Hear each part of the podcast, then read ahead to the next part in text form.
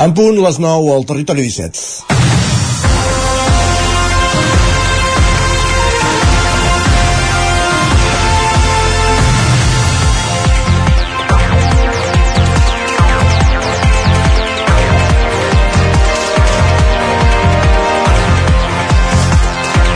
En els últims anys ja hem fet passos de gegant perquè els ciutadans siguem responsables cada cop més de les decisions relatives a la nostra salut.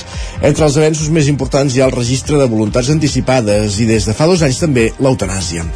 La creixent prolongació de l'esperança de vida suposa un retard en l'edat de morir, però a vegades s'hi arriba en unes condicions de, de deteriorament físic i psíquic avançats. A més, els avenços mèdics i tecnològics permeten que cada vegada siguem capaços de mantenir durant un temps més prolongat la vida d'una persona sense aconseguir millorar la seva qualitat de vida o curar-la. Aquests dos factors han obert un debat social sobre la necessitat de poder prendre decisions sobre com volem que sigui el final de la nostra vida i han fet augmentar la consciència de tots plegats. De fet, la mort forma part també de la vida i la dignitat. La llibertat i l'autonomia de la voluntat són drets per, protegits constitucionalment, com també ho són el dret a la vida i la integritat física. A Osona, en els últims 3 anys, coincidint també amb l'aprovació de la llei de l'eutanàsia, s'han multiplicat per 4 el nombre de persones que han formalitzat el seu document de voluntats anticipades, també conegut com a testament vital. Gràcies a aquest, una persona pot expressar com vol que sigui tractat en cas d'arribar a una situació de final de vida on no pugui decidir, per exemple, per un accident que l'incapaciti, una demència avançada o un càncer terminal. Haver viscut de prop una experiència personal d'algun familiar amb una malaltia avançada ha empès a moltes persones a fer aquest pas. És una decisió madura de la persona que pot evitar també problemes familiars. Moltes vegades els fills, que en situacions delicades han de prendre decisions importants, com prolongar o no la vida d'un ésser estimat sense que sigui fàcil a vegades arribar a un consens. El testament vital es pot fer davant d'un notari també a través del centre d'atenció primària. El metge de capçalera ens en pot informar, tal com tots hauríem de tenir dret a una bona vida, també n'hauríem de tenir d'una bona mort. És dimarts, 30 d'octubre de 2023, vigília de Tots Sants, i avui la mort serà també una de les protagonistes del Territori 17. Sense anar més lluny, i dedicarem la darrera mitja hora del programa al podcast de la Maria López al racó de Pensant. Comença el Territori 17 a la sintonia de Ràdio Cardeu, Ona Codinenca, la veu de Sant Joan, Ràdio Vic, el 9 FM i també ens podeu veure, ja ho sabeu, a través de Twitch, YouTube, el 9 TV Televisió de Cardedeu i la xarxa més. Territori 17.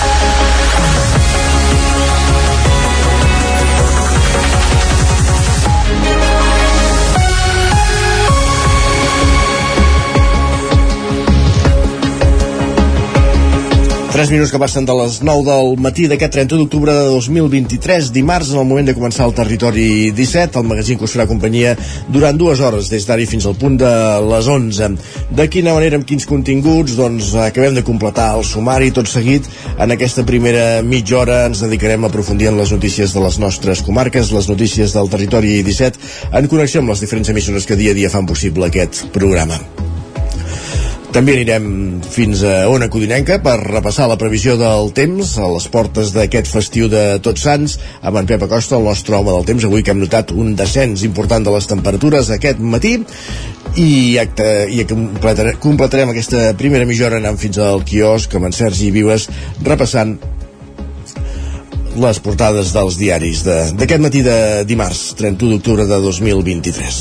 A partir de dos quarts de 10 pujarem al tren a la Trenc d'Alba amb l'Isaac Montades recollint les cròniques dels oferts usuaris de la línia Barcelona, Granollers, Vic, Ripoll, Puigcerdà i a l'entrevista anirem fins a Cardedeu per conversar amb Salvador Coll, documentalista amateur, sobre el cicle de xerrades que es farà aquest mes de novembre a Cardedeu sobre l'entrada dels carlins a la vila ara fa 150 anys i anirem en companyia de l'Enric Rubio de Ràdio Televisió Cardedeu.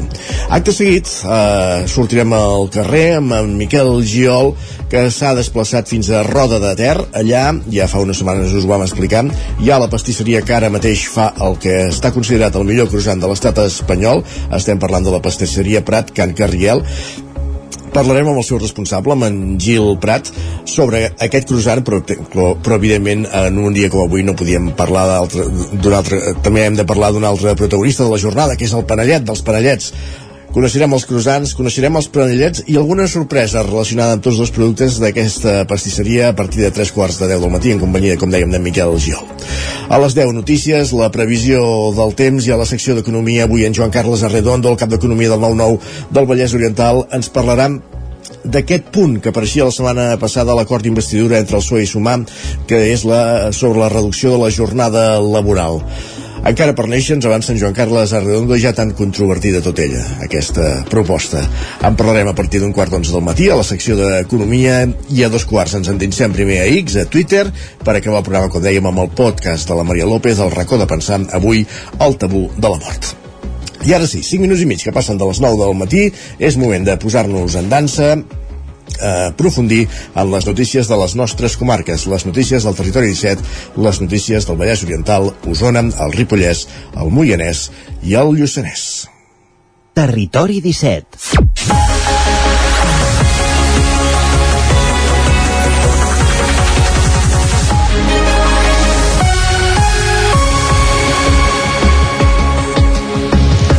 Desarticulen una banda especialitzada en robar empreses que havia robat 350.000 euros en una perfumeria d'una nau de Caldes de Montbuí, al Vallès Oriental. Roger Ram, zona codinenca.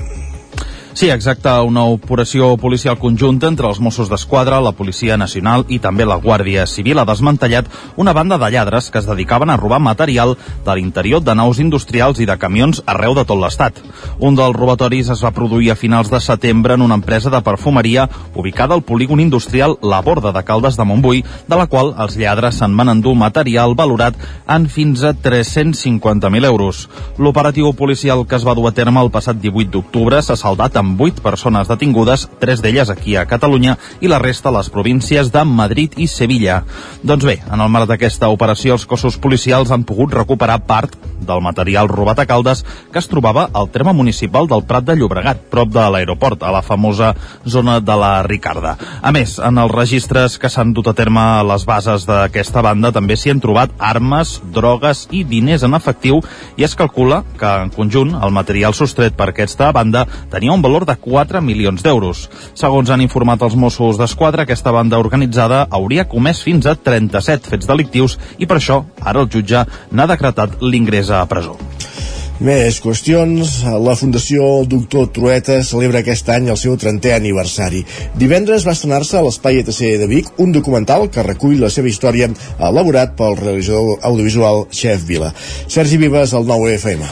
Agraïments als treballadors, voluntaris, col·laboradors i també a les persones usuàries de la Fundació Doctor Trueta que aquest divendres commemorava el seu 13è anivers 30è aniversari. Va ser l'ànima del discurs que el seu impulsor, el biguetà Carles Furriols, va voler voler fer davant les més de 200 persones complint al pati de butaques de l'espai ETC, tot i els evidents efectes de la malaltia contra la que lluita des de fa anys. Furriols va posar els fonaments de l'entitat l'any 1993 amb l'objectiu de donar una segona vida a les medicines que els seus pacients acumulaven a casa. Així ho explica ell mateix el documental que ha elaborat expressament per l'ocasió el realitzador audiovisual Chef Vila. A totes les cases hi hagi canalla petita o hi hagi gent gran, que n'hi ha de totes, eh, estava plena de medicines.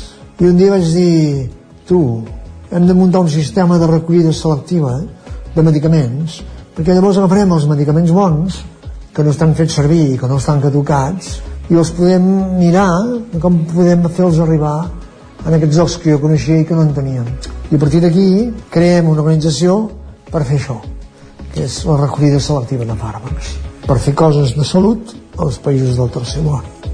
En aquesta producció també apareix un moment clau per l'entitat, el gir de guió que van haver d'entomar l'any 2005 quan la gestió dels medicaments en desús es va unificar a l'estat espanyol i ja no van poder enviar-ne més als països subdesenvolupats. Ho explica la directora executiva de la Fundació, Núria Comarriu. I res, i durant 30 anys hem anat seguint aquest camí, tot i que ja en fa uns 15 que està prohibit poder enviar els medicaments eh, al tercer món, i el que fem és classificar-los per donar feina a les persones amb problemes de salut mental, mental greu que era un col·lectiu fa 30 anys que estava totalment desafavorit i fora del mercat de treball i, bueno, i de moment doncs anem, anem continuant. L'acte va comptar amb la presència de representants de l'Ajuntament de Vic i també amb personalitats polítiques com l'expresidenta del Parlament de Catalunya, Laura Borràs. Ripoll aprova les ordenances fiscals amb l'abstenció en bloc de l'oposició. Isaac Muntades des de la veu de Sant Joan. L'Ajuntament de Ripoll va aprovar les ordenances fiscals pel 2024 amb els únics vots a favor de l'equip de govern d'Aliança Catalana. Tot i que l'oposició es va abstenir en bloc, va facilitar que tiressin endavant i tampoc va fer massa sang. De fet, Junts per Ripoll i el PSC van declinar participar en el debat. Això sí, un dels punts estrella de les ordenances va venir proposat per l'oposició, segons va explicar l'alcaldessa Sílvia Oriols. I a petició de l'oposició s'aplica un recàrrec del 50% en el rebut dels IBIs dels pisos buits propietat d'entitats bancàries i dels pisos buits propietat de particulars que tinguin 3 o més pisos sense llogar per intentar incrementar la borsa de pisos de lloguer i frenar la degradació del barri vell. La pujada d'impostos i taxes va ser la tònica d'aquestes ordenances. La taxa d'escombraria es va incrementar en un 8,2%, la tarifa de subministrament d'aigua es va pujar en un 5%, ja que també inclourà la millora de l'estació potabilitzadora compartida amb Can de Bànol. Les tarifes dels parquímetres de la zona blava i taronja creixen en gairebé un 3%, i ara l'anul·lació de la denúncia s'incrementarà en 10 euros, i finalment la taxa al cementiri pujarà en un 5%. La portaveu d'Esquerra, Chantal Pérez, va criticar aquesta pujada d'impostos i taxes. Nosaltres haguéssim fet uns impostos més progressius, més socials, que afavorissin la gent del poble i que siguessin més sostenibles. Creiem que el 50% de bonificació, per exemple, per les comunitats de propietaris hauria de ser una mica més elevat. Pujar parquímetres, cementiri, aigua i escombraries afavoreix els que més tenen, perquè evidentment qui menys té també haurà de pagar igual que qui més té. Pérez va afegir que s'hauria d'apostar per una tarifació social i va proposar que pugessin els preus públics per a aquelles persones no empadronades a Ripoll, augmentés l'IBI a les grans superfícies o als edificis propietats d'entitats bancàries o tenir un període gratuït de mitja hora d'estacionament abans de pagar parquímetre. El regidor de la CUP, Daniel Vilaseca, també apuntava que moltes famílies anaven al límit per arribar a finals de mes i coincidia amb la tarifació social proposada per Esquerra. Són unes ordenances que són poc valentes en el sentit d'intentar intentar posar damunt de la taula unes ordenances que apostin per una fiscalitat progressiva, és a dir, que facin pagar més a qui més té. El fraccionament, no?, que vostès portaven en el seu programa electoral, és un pedaç que pot anar bé però que no soluciona el problema de fer pagar a qui menys té. No? Tant Pérez com el regidor de Som i Ripoll, Joaquim Colomer, van coincidir en que l'equip de govern no els havia allargat la mà per participar de les ordenances. Així ho manifestava el regidor independent. També, doncs, a nosaltres la proposta que vàrem fer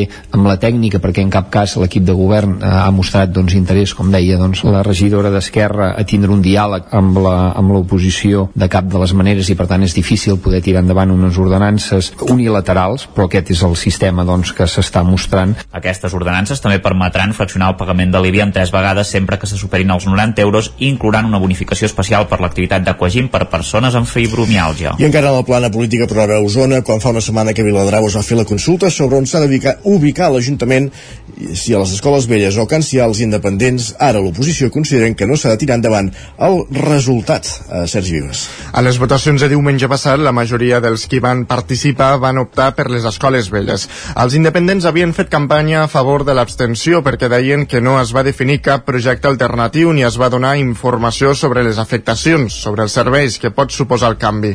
L'abstenció va ser del 63,6% davant del 36% de participació. El grup de l'oposició considera que el seu projecte de la Casa del Poble està més legitimat perquè el va aprovar al ple un govern que representava el 52% dels vots del poble, mentre que a la consulta hi van votar 293 persones. També diuen que la consulta es va fer des de la desinformació al ciutadà i que la pregunta era trampa i considera que el govern no hauria de condicionar el sentit del vot. Més qüestions, encara a Viladrau, centenars de persones han passat aquest cap de setmana per la 28a Fira de la Castanya. Tot i que la collita no ha estat tan bona com altres anys, per les elevades temperatures, la fira va tornar a ser un èxit. Farina de castanya, castanya torrada, cervesa de castanya i un llarg etc era el que buscaven els centenars de persones que van passar per aquest cap de setmana per Viladrau. Gemma Soler, de Castanya de Viladrau, explica que, malgrat les altes temperatures, castanyes se n'han collit i amb una hidratació excel·lent. Ens pensàvem que seria bastant bastant fluixa per tot el tema de, del canvi no? de, de clima, però la veritat és que al principi va començar caient amb el palló, la castanya estava dins del palló i costava molt treure-la, l'havíem treure tot a, a mà, amb els peus, no anava traient, i ara eh, hi ha hagut com una parada, després hi ha hagut una segona caiguda, i aquesta ha caigut ja amb els pallons més madurs, per tant, més eh, oberts, no? i ha estat millor, vull dir que estem contents. Entre les parades vinculades a la castanya també n'hi havia d'artesania i d'entitats del poble. En aquesta edició, l'alcaldessa Margarida Feliu en destacava la implicació dels mateixos viladrauencs. Estem molt contents perquè la gent de Viladrau ha posat molt més, més parades del que hi havia els darrers anys. Bé, tant, en aquests moments de les seixantena de parades que hi ha 30 i pico són de gent de Viladrau i és i gent que per primera vegada també posa. L'epicentre de la fira va ser una vegada més la plaça, on l'AMPA de l'escola, els castanyers, hi va torrar uns 800 quilos de castanyes. Després de l'èxit de la fira, Viladrau ha de estar en espera per culminar la castanyada avui al vespre amb la 26a edició del Vall de Bruixes. Més qüestions, gràcies Sergi, ho explicàvem dijous, a Cardedeu estan immersos en el Festival Cardo Terror, ja s'han lliurat els Premis TAC, un reconeixement destacat als millors curs de producció catalana. Enric Rubio, Ràdio Televisió Cardedeu. Així és, Isaac, han estat cinc els candidats finalistes, però finalment el millor curt d'enguany escollit pels membres del jurat ha estat Pisanca, de Jorge Yudique, i qui no, qui no ha pogut assistir a l'acte. Per altra banda, fent votacions amb alçada, el públic ha escollit com a preferit el curtmetratge La Masia, de Víctor Català, i ell mateix ens ha explicat com s'ha sentit i el que ha significat aquest Premi Popular. Em fa molta il·lusió, perquè diuen que el premi més important sempre és el del públic, no? que al final tu quan estàs fent una, una peça audiovisual, ja sigui un videoclip, una pel·li, un curt, el que sigui, és, és perquè la gent li agradi, no? Llavors si la gent res, resposa amb tant de carinyo i, bueno, és feina ben feta, no? A banda d'aquestes dues categories, la nova, d'Ivan Villamel, s'ha endut el guardó a millors efectes especials i Marta Ballarri i Betsy Túrnez s'han endut el premi a millor interpretació de Pisanca. Aquests premis han reconegut un dur i llarg període de treball que finalment ha obtingut recompensa es va ser molt divertit, molt guai, però és, és dur, perquè evidentment està fet amb, amb els pocs mitjans que podem, demanant moltíssims favors a nivell de localització, de material, d'equip, de, de, que sempre tu no pots rodar un curt sol o pràcticament sol, sempre necessites un equip mínim.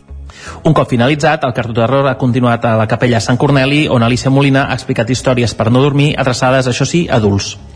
I a la plana esportiva, el circuit d'Osona ha acollit aquest cap de setmana la Copa Catalana de Promo Velocitat en les seves tres principals categories, Promo RAC1, Promo RAC2 i Promo RAC3. Les dues proves organitzades per la penya 100 per hora van significar la tornada de les competicions d'àmbit català després de la remodelació del circuit.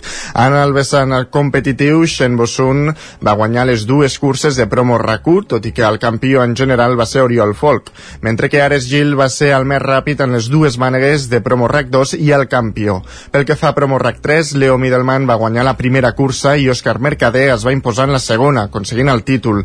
Després d'aquesta competició, el circuit d'Osona acollirà el Campionat de Catalunya de Karting el 12 de novembre. Serà la segona de les tres proves que puntuen aquesta temporada.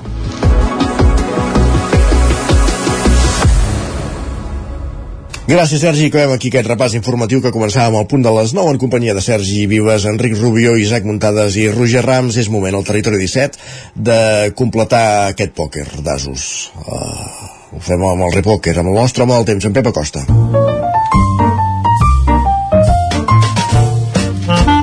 Casa Terradellos us ofereix el temps. Pep Acosta, una codinenca, ahir vam veure algun ruixat, avui ens hem llevat amb les temperatures més baixes, com evolucionarà meteorològicament la setmana? Hola, molt bon dia. Bon dia, Pep. Benvinguts un dia més a la informació meteorològica. Benvingut tu, benvingut. Aquí, com cada dia, uh, puntuals a la cita amb tots vosaltres. Així ens agrada. Avui ha començat el dia amb, amb unes temperatures uh, força baixes. Mm, jo crec que un de, és un dels dies um, amb unes temperatures més baixes des de que, que ha començat la tardor. Uh, hi ha una glaçada a les zones del Pirineu, a les zones més, uh, més altes del Pirineu, hi ha alguna glaçada, fins i tot ja ha baixat temperatura per sota els 5 graus en algunes en algunes zones de, del centre de les comarques, cap a Osona eh, cap a Ripollès cap a Moianès també hi ha força fred a aquestes hores i també ha baixat per sota els 10 graus ja a la zona del peritoral i era hora que fes una mica de fred a les nits Uh, per fi, eh, per fi. I això, uh, aquesta baixada de temperatures és degut a que ens va creuar un, creuar un front, un front que ens va creuar més pena que glòria, eh, va deixar poques precipitacions, eh, dos, tres litres a moltes zones, eh, bueno, va ser un vist i no vista més, perquè va passar molt de pressa, a més, darrere seu va bufar vent, eh, vull dir, tot el que mm, tot el que va ploure el vent ho va assecar, vull dir que eh, va ser un front mm, del tot insuficient per, per acabar amb aquesta sequera que estem patint des de fa molts dies. I avui eh, aquest front és història eh, i serà un dia força assolellat i força tranquil. Tot i això serà més fet, serà més fet que no pas ahir, eh, les temperatures no pujaran tant, moltes màximes es quedaran entre els 15 i els 20 graus. Així que a migdia l'ambient serà força agradable, però ja no serà ni de bon tos càlid ni, ni, ni, ni res d'això, eh? Seran un, unes temperatures força normals per l'època de l'any. I com deia, un cel força assolellat, només algun núvol a la tarda, molt poca cosa, el vent afluixarà i per tant no hi haurà el vent d'ahir i serà un dia, com deia, força, força tranquil, una castanyada força tranquil·la.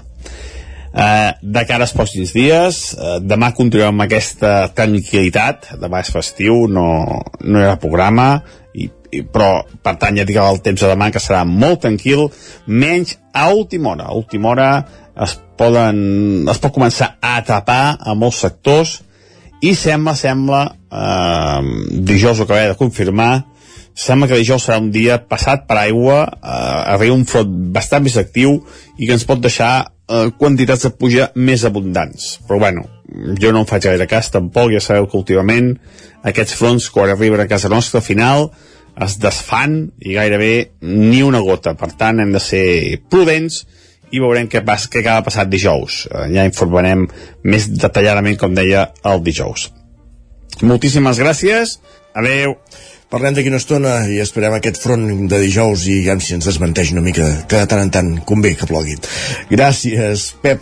Avancem al territori 17. Casa Tarradellas us ha ofert aquest espai. 8 minuts i seran dos quarts de 10 del matí anem cap al quiosc.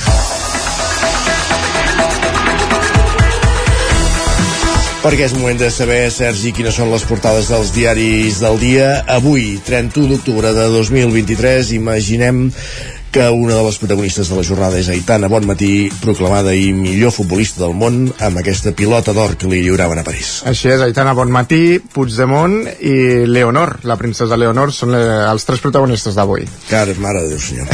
no s'ha d'aguantar. Va, som-hi. Comencem pel punt avui, que encapçalen portada amb el titular Paritat de cine. Diuen que la meitat de les 81 pel·lícules candidates als Premis Gaudí han estat dirigides per dones. Expliquen que els films rodats en versió original nacional catalana també creixen i arriben fins al 40%. I afegeixen que la mitjana de pressupost del cinema en català s'ha doblat respecte a l'any passat. I com dèiem, sota el titular Aitana la millor, Messi la llegenda, diuen que la catalana s'endú la pilota d'or i l'argentí la seva vuitena en una gala amb molta presència del Barça. El periòdico diu que el PSOE encarrila el pacte amb Junts. Diuen que els socialistes pretenen que tots els socis firmin la llei d'amnistia que es registraria abans de la votació de Sánchez. I per altra banda, doncs diuen que Aitana ja és d'or. Expliquen que la jugadora del Barça conquista la seva primera pilota d'or i Messi obté la vuitena. déu i la Vanguardia doncs, també ho diu, diuen que Aitana i Messi són el triomf de la Masia. Per altra banda, diuen que la cita del número 3 del PSOE amb Puigdemont acosta la investidura.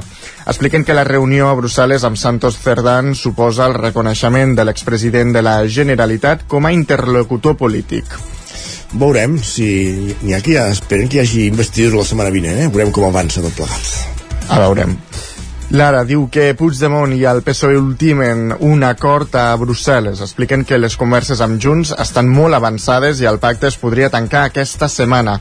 Diuen que els socialistes també trepitgen l'accelerador en la negociació amb l'equip d'Esquerra i diuen que a banda de Santos eh, Cerdan mm, també eh, aquest va estar acompanyat de dos dirigents socialistes espanyols eh, de l'Eurocambra que són eh, són Irache García Pérez i Javier Moreno i també diuen que Jordi Turull va estar en aquesta cita. Pedro Sánchez encara no, eh? No, no, no crec que vagi a Brussel·les, Elsa.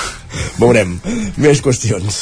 I sota el titular, doncs, Aitana Lamillo, doncs, també diuen eh, que Aitana Bonmatí va rebre ahir la seva pri, pri, primera pilota d'or. Anem a repassar portades espanyoles. Ja sí canviem de protagonistes aquí, no? M'imagino. Aquí va més relacionat amb Puigdemont. Ah, molt bé. Molt el... diable per ells, clar. Clar.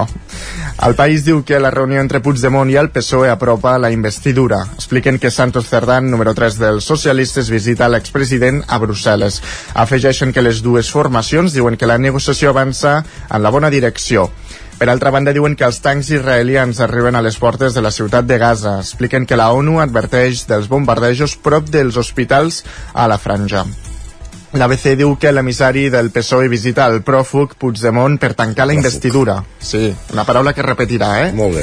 Expliquen que el número 3 de la cúpula socialista viatja fins a Brussel·les per legitimar el fugat davant d'una fotografia alegòrica del referèndum il·legal de l'1 d'octubre i certificar el bon ambient de les negociacions.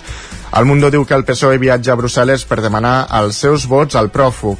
Expliquen que el número 3 socialista, Santos Cerdán, rehabilita Puigdemont i deixa entreveure un pacte imminent. Diuen que l'enviat de Sánchez es va reunir amb el fugat en una sala presidida per la foto d'una urna de l'1 d'octubre. Per altra banda, diuen que avui la princesa Leonor compleix 18 anys. Expliquen que l'Estat li rendirà honors mentre acata la Constitució. I acabem amb la raó que diu que els espanyols confien en Leonor com a futura reina. Expliquen que l'enquesta de NC Report recull que el 70,4% dels enquestats creu que reuneix les qualitats per assumir el càrrec. Afegeixen que el 62,4% considera que la corona compleix la seva funció i el 69,7% que trasllada, atenció, una imatge de modernitat. Sobretot, sobretot modernitat. uh, I Aitana Bonmatí no la coneixen a Madrid? No. Carai. No, no, no. De fet, a les portades esportives al Mundo Deportivo Sport només apareix Messi, eh? Impressionant. Uh, repassem digitals l'edició d'Osona i el Ripollès de la 9.cat. Doncs que l'alcalde de Prats, Jordi Bruc, es postula com a president del Consorci del Lluçanès. I a l'edició del Vallès Oriental? Que l'escola Salvat Papaseit de Mollet vol canviar de nom pel d'una mestra que va morir l'any passat. Doncs, dit tot això, el que fem al Territori 17 és una petita pausa per la publicitat, però tornem de seguida amb la resta de continguts previstos per aquest matí. Gràcies, Sergi. Uh, com dèiem, amb la resta de continguts previstos per aquest matí, d'aquí 3 minuts. El nou FM, la ràdio de casa, al 92.8. La qualitat de les teves impressions és important per tu? Estàs cansat que els colors i les imatges no surtin com t'esperes? A Impremta Mater disposem de la tecnologia més avançada i els millors professionals per aconseguir impressions d'alta qualitat. Fem tota classe d'impresos amb acabats professionals. Llibres, catàlegs, revistes, tesis, calendaris, enquadernacions... I a més, disposem del servei d'impressió digital en gran format, roll-ups, lones, pòsters i molt més. Impremta Mater. Ens trobaràs a la carretera de Sant Hipòlit 23 de Vic o impremtamater.com. Per moure't, lloga un cotxe ALR. Per moure la família, lloga un minibús ALR. Per moure coses, lloga una furgoneta ALR. Per moure la casa, lloga un camió ALR. Lloguer de cotxes, furgonetes i camions ALR. Ens trobaràs al carrer Francesc Sant Climent 83 de Vic i també a Olot i Manresa. Informa't en el 93 888 60 57 o bé consulta el web alr.cat. Quinzena Fira d'en Roca Guinarda a Olost. Aquest any serà bestial. La fira més loca de la comunitat autònoma de Catalunya. Vine a disfrutar-la. Dakar! Dakar! Amb Pradell estalvio energia i cuido la meva butxaca i el medi ambient. Posa't en mans a Pradell, són experts en calderes de gas i condensació, estufes de pèl·let, energia solar, terres radiants i geotèrmia. Pradell instal·la calderes de biomassa per a particulars i per a empreses. Si vols estalviar un 50% en consum, contacta amb Pradell i passa't a les energies renovables. Pradell, som a l'Avinguda Països Catalans 27 de Vic. Telèfon 93 885 1197. Pradell.cat. Quan tingui un problema amb la seva caldera, vagi directament a la solució. Truqui sempre al servei tècnic oficial de Saunier Duval i despreocupis, perquè som fabricants i coneixem les nostres calderes peça a peça. I ara aconseguiu fins a 300 euros en canviar la caldera. Informeu-vos al 910 77 10 50 o a saunierduval.es. L'infopodcast del 99 amb Sílvia Pedret. Cada dia et donem les claus de les notícies més rellevants de casa nostra. Vivim en una comarca que s'està demostrant pionera. Doncs... Desperta't cada dia amb l'infopodcast del 99. Aquesta setmana tornen a ser notícia els pantans perquè han baixat... El trobaràs a dos quarts de vuit del matí al 99.cat, Spotify, iVox i, si ho vols, te l'enviem directament al mòbil. Subscriu-te als canals de WhatsApp i Telegram del 99. Soc Sílvia Pedret. Comencem. El 9 FM. Territori 17. Hola, molt bon dia.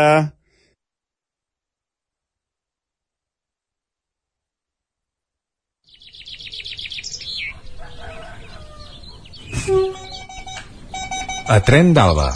Cada dia els usuaris i usuàries de la línia R3 de Rodalies que veuen sortir el sol des d'un vagó ens expliquen les gràcies i les penes del primer comboi que uneix Ripoll i Barcelona o les feixugues jornades amb el tren després de treballar.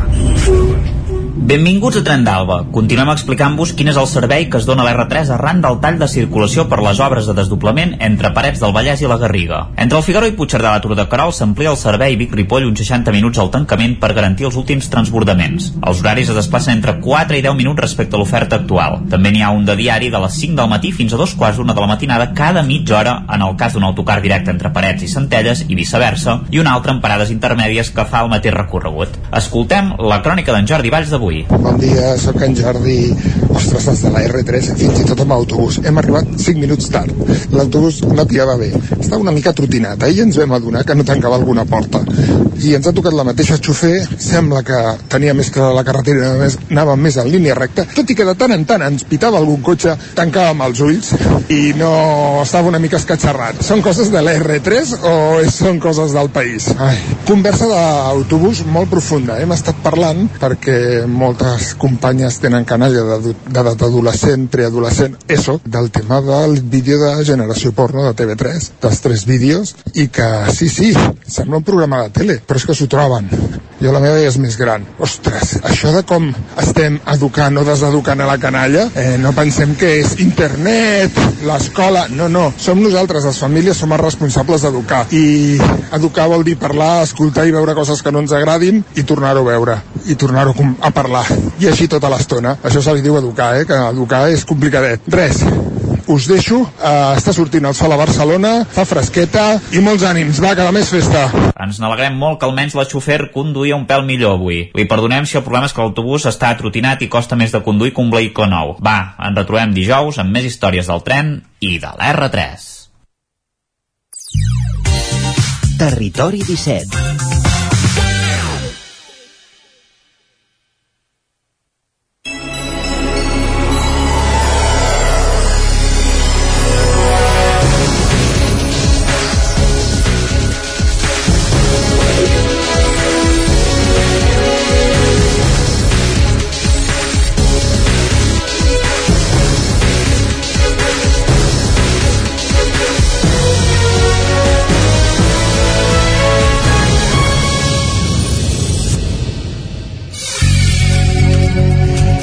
Cardedeu rememora aquest any els 150 anys de l'entrada dels carlins a la vila uns fets que van marcar el segle XIX i que van significar un abans i un després a la vila dels veïns de, de la localitat.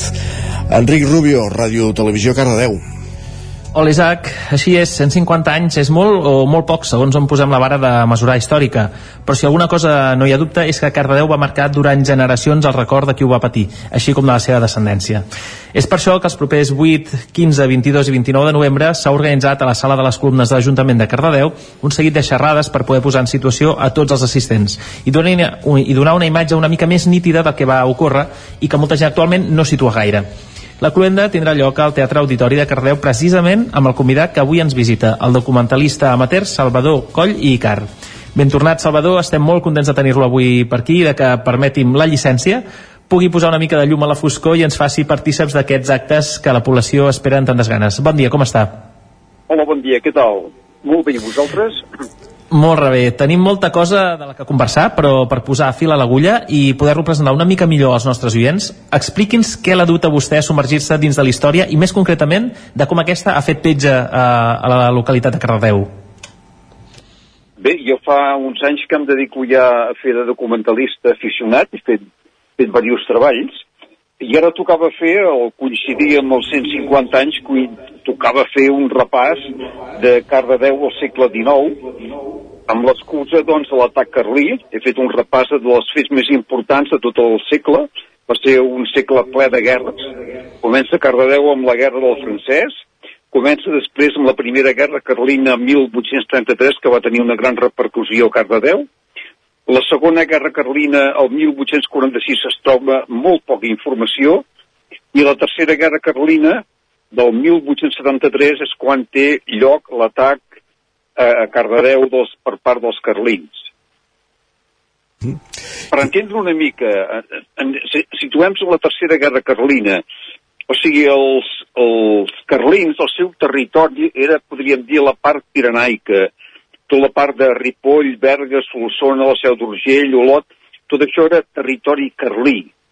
Aleshores, ells el que feien, eh, sortien partides que atacaven en els pobles per fer-se pobles doncs, de, de fora del seu domini, com en aquest cas és Cardedeu, van venir de, pràcticament venien d'Olot, perquè van deixar un xicot d'Olot mort aquí, i venien unes partides, ja almenys venien, sortien, es parla d'uns 400 homes, que es trobaven a, a prop del poble on havien decidit atacar, en aquest cas Cardedeu, i aquí es parla que es van reunir uns 2.500 homes que van rodejar el poble.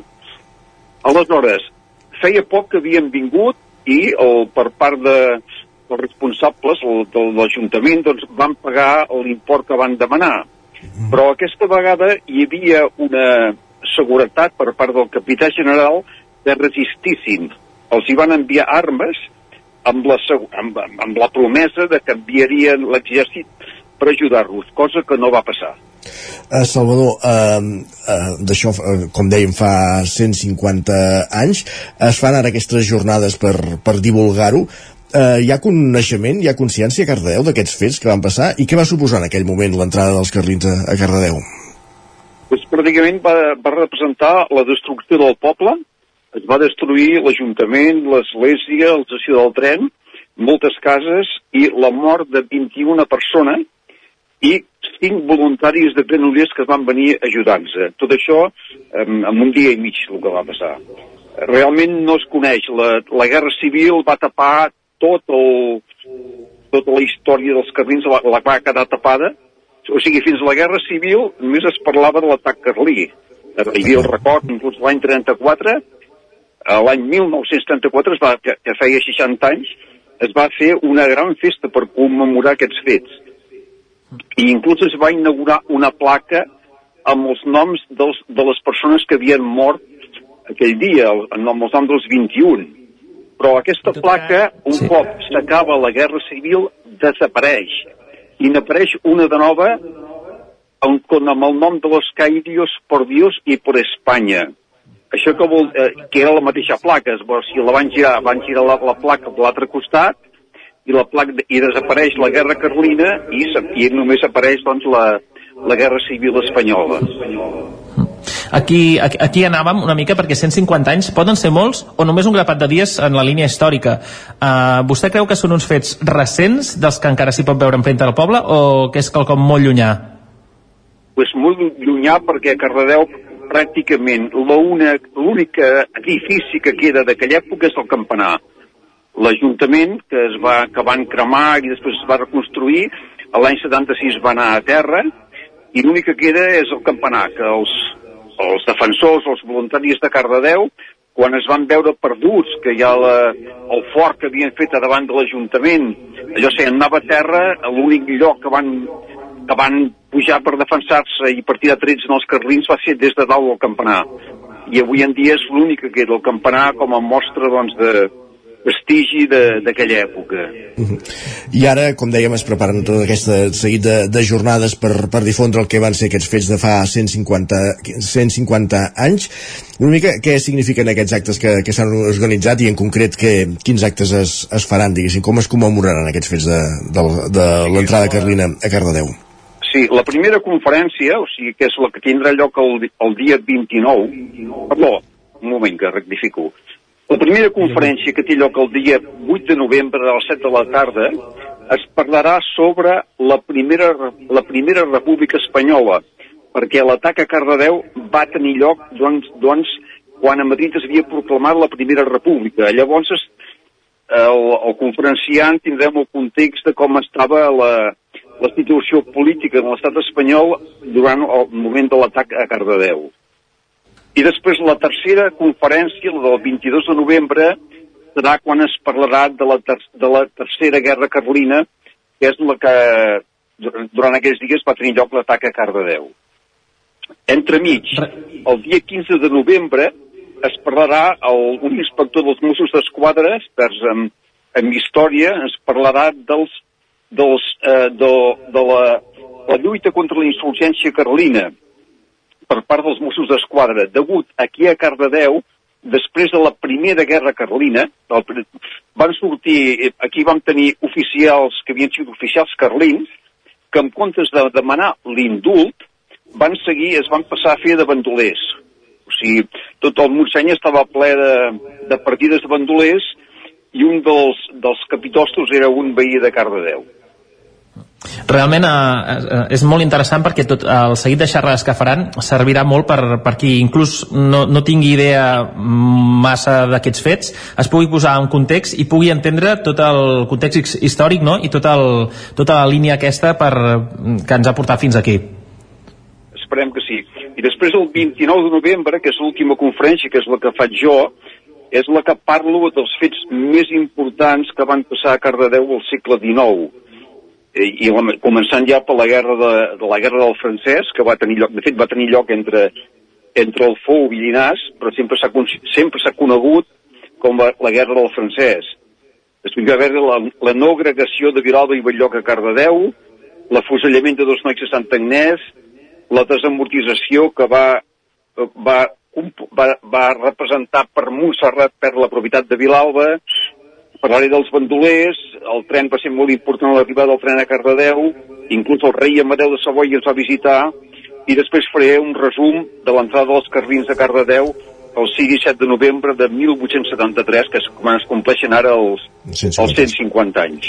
Eh, entenem que aquestes conferències, aquestes jornades són obertes eh, al públic eh, o, o hi ha algun tipus de- de- No, d'entrada? no, totalment obertes i esperem que vingui força gent que tingui interès en, en conèixer la història del segle XIX. Mhm.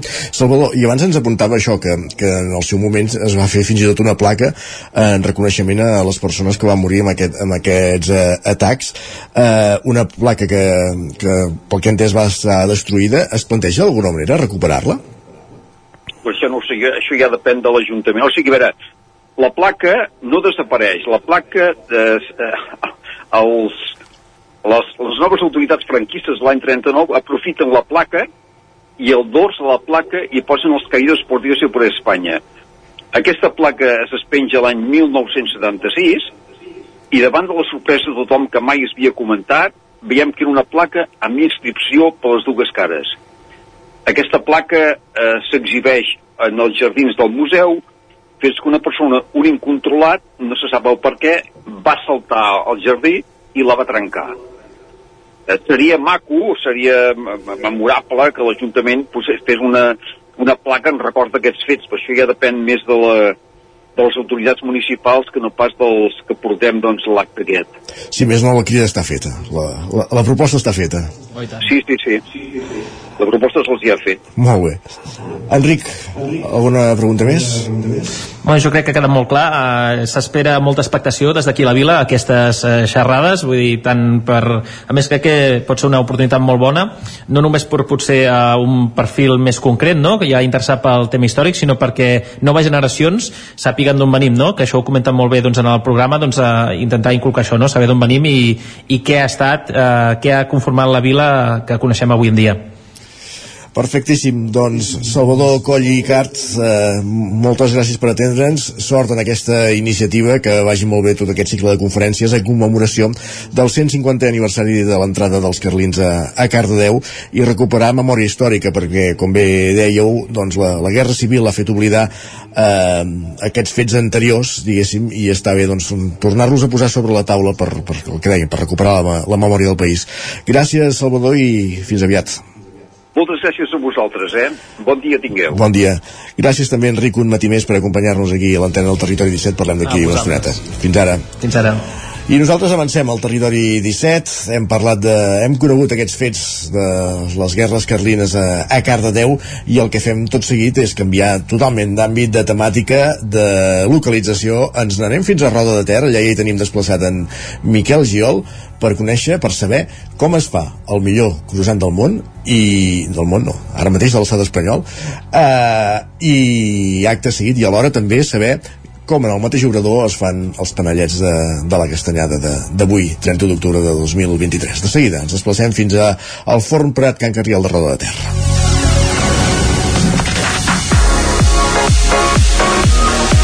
Territori 17 Tres quarts de 10 del matí.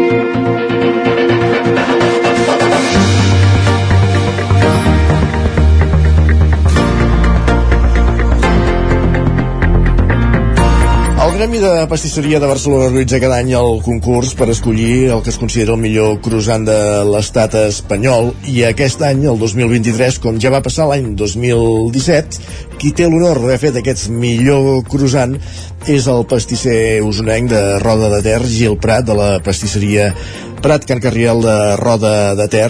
Volem conèixer els detalls d'aquest croissant i per això avui hem desplaçat fins a, en aquesta pastisseria, fins a l'obrador, en Miquel Giol. Miquel, benvingut, bon dia. Hola, bon dia, Isaac. Doncs, com molt bé dius, avui m'he anat fins a Roda de Ter per venir fins aquí a la pastisseria Prat o Can, o Can Carriel, on s'hi fa un dels millors, bueno, el millor, el millor croissant eh, de l'estat, entre de moltes altres coses, i és per això eh, que ara també, a banda de que arriba l'època de castanyes, bueno, de fet, avui dia de la castanyada, tots sants, tot plegat, i els panellets, ens hem acostat aquí per conèixer, per una banda, com es fan els millors croissants de l'estat, i per altra banda, per conèixer maneres de fer eh, els panellets. I és per això que ens hem trobat aquí amb el protagonista d'aquest eh, negoci, en Gil Prat, perquè ens expliqui tot plegat una miqueta de, millor. I de fet ara està fent per aquí uns croissants amb una pinta que, que déu nhi Bon dia, Gil, com va tot? Eh, I gràcies per atendre'ns al Territori 17. Molt bon dia, gràcies a vosaltres per venir i acostar-vos aquí a la nostra pastisseria. Gil, uh, com estan en tot des de que veu guanyar aquest premi, aquest segon premi, perquè ja ho havíeu fet el 2017, uh, del, del millor croissant de l'Estat, que és, no, és, no és petita cosa, eh? Doncs anant molt bé, eh, és un agraïment constant a tots els clients doncs, que s'acosten fins a la botiga per, per venir a buscar sobretot el croissant en aquests moments i també eh, a tothom que ve de fora.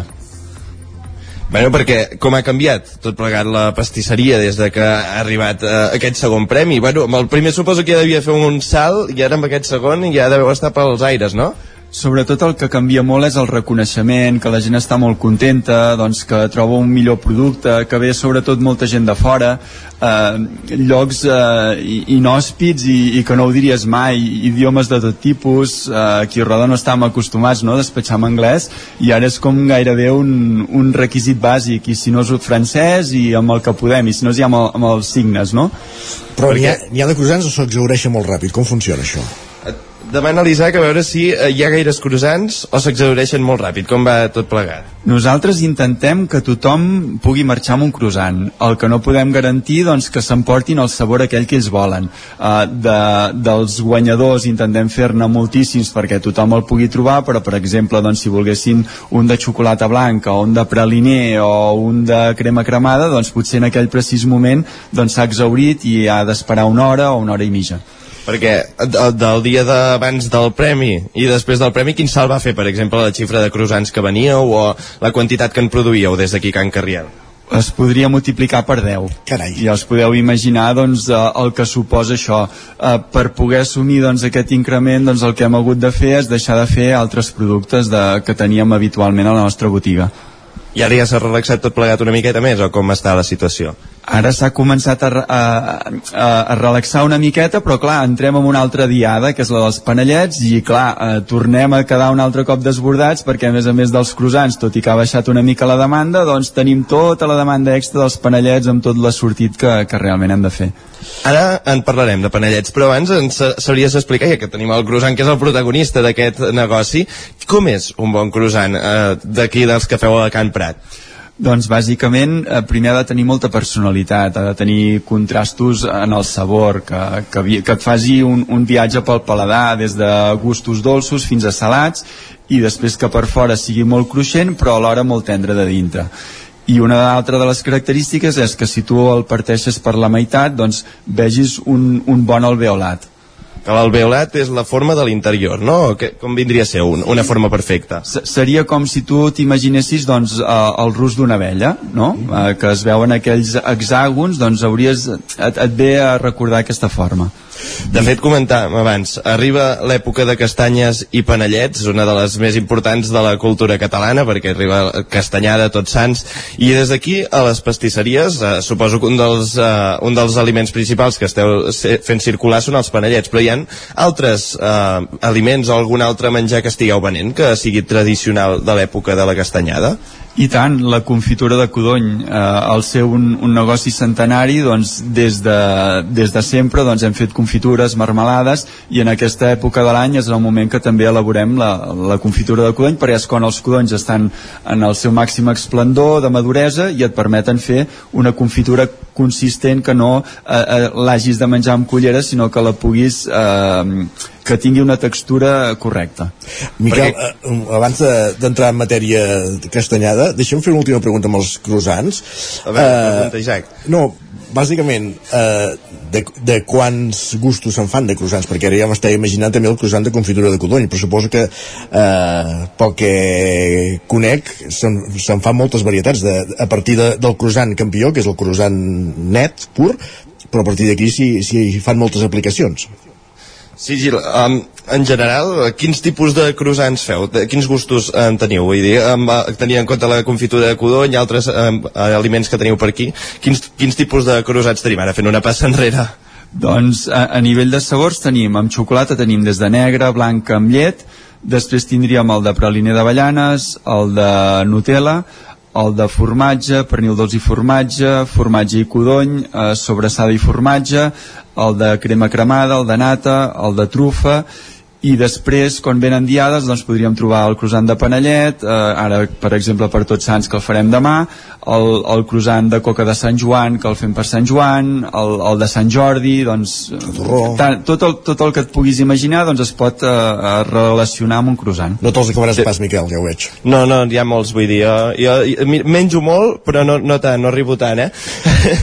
Um, parlem això, època de la castanyada, com es viu des de les pastisseries, els fons de pa, tot plegat aquesta època? I teniu molta més gent, uh, teniu molt més moviment per aquí o com va? Sí, el, el que notes és això, que les famílies es tornen a reunir, a reunir doncs, per recordar doncs, els familiars doncs, que ja no hi són i la pastisseria doncs, tornem a formar part d'aquesta tradició i posant-hi un toc de, de dolç per, per fer doncs, la festa una mica més, més lluïda perquè ens explicaries una miqueta uh, quins tipus de panellets teniu aquí, que són potser el, el, el punt fort d'aquesta època. Teniu el, el clàssic o també teniu el de, bueno, evidentment el de pinyó, teniu altres tipus?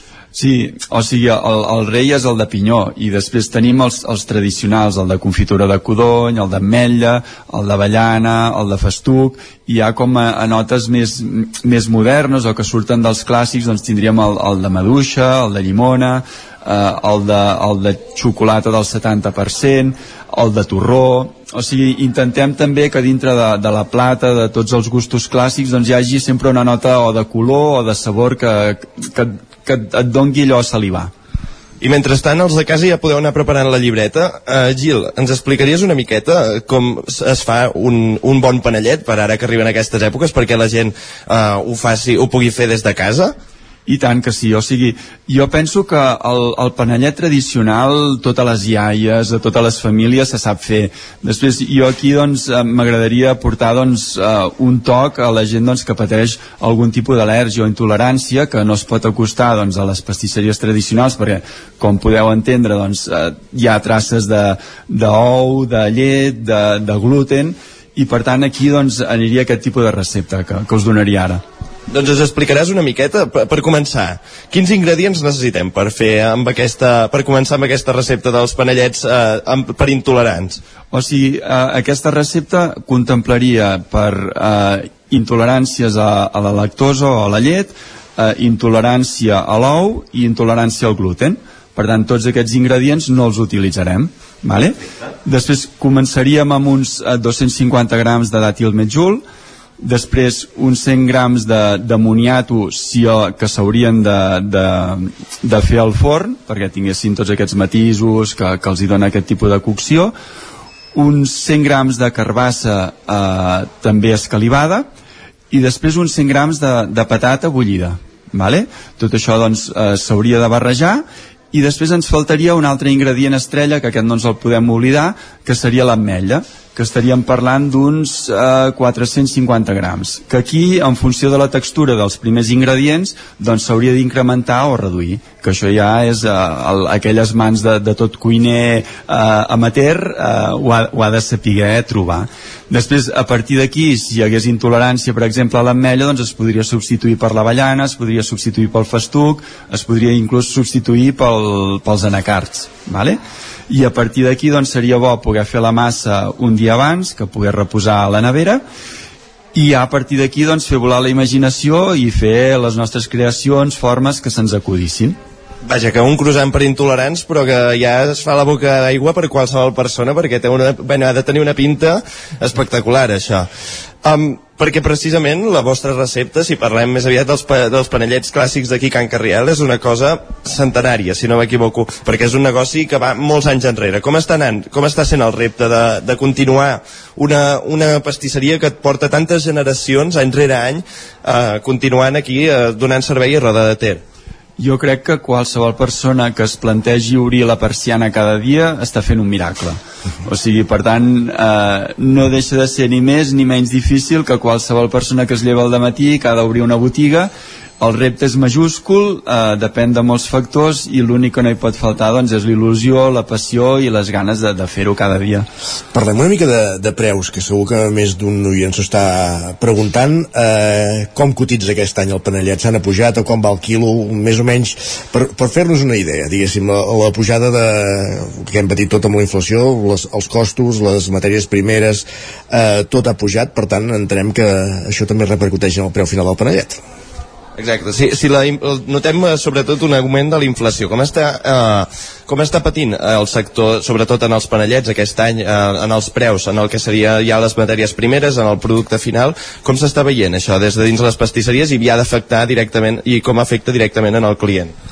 Clar, eh, se, sempre eh, es, jo cada vegada que em diuen t'hem de pujar el preu d'un ingredient o d'un altre jo ho rebo amb tristesa perquè al final hi acabem perdent tots. Uh, ho comparo doncs com uh, que acabarem matant la gallina dels ous d'or. Si el client que m'entra per la botiga cada dia li costa més el producte que ha de comprar i que està cobrant el mateix doncs l'únic que estem fent és tirar-nos pedres a sobre la taulada.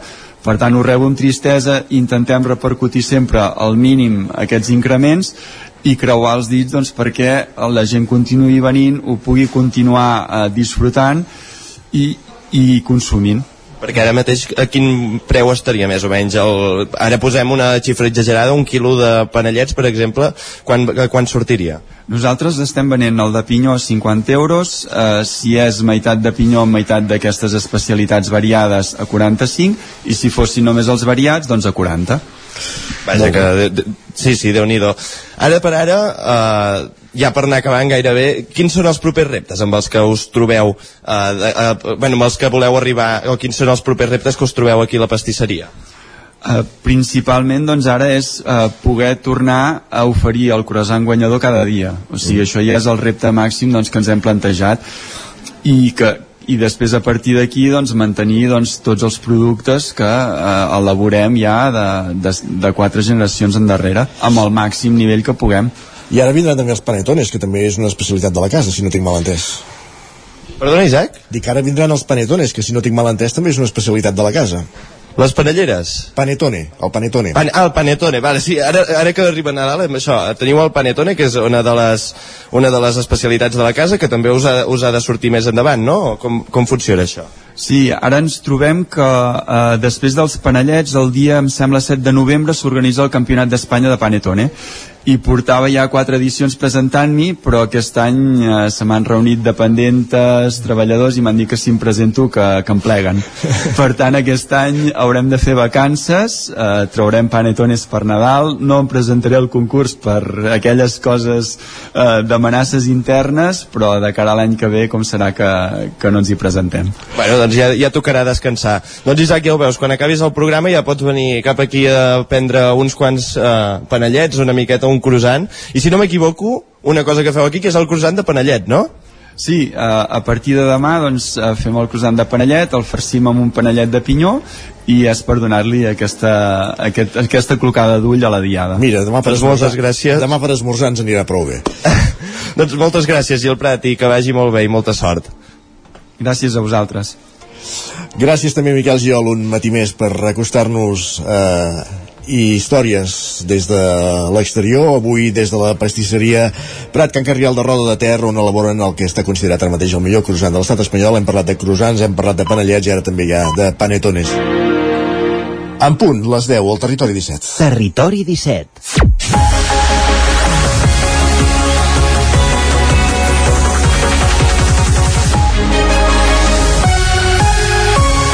És moment d'actualitzar-nos, és moment de posar-nos al dia amb les notícies més destacades de les nostres comarques, el Vallès Oriental, l'Osona, el Ripollès, el Moianès i el Lluçanès, i ho fem en connexió, com cada dia, amb les diferents emissores que fan possible aquest programa. Anem cap al Ripollès, perquè l'Ajuntament de Can de Bànol ha d'expropiar per un import de 336.000 euros la casa de Calbranques abans de final d'any.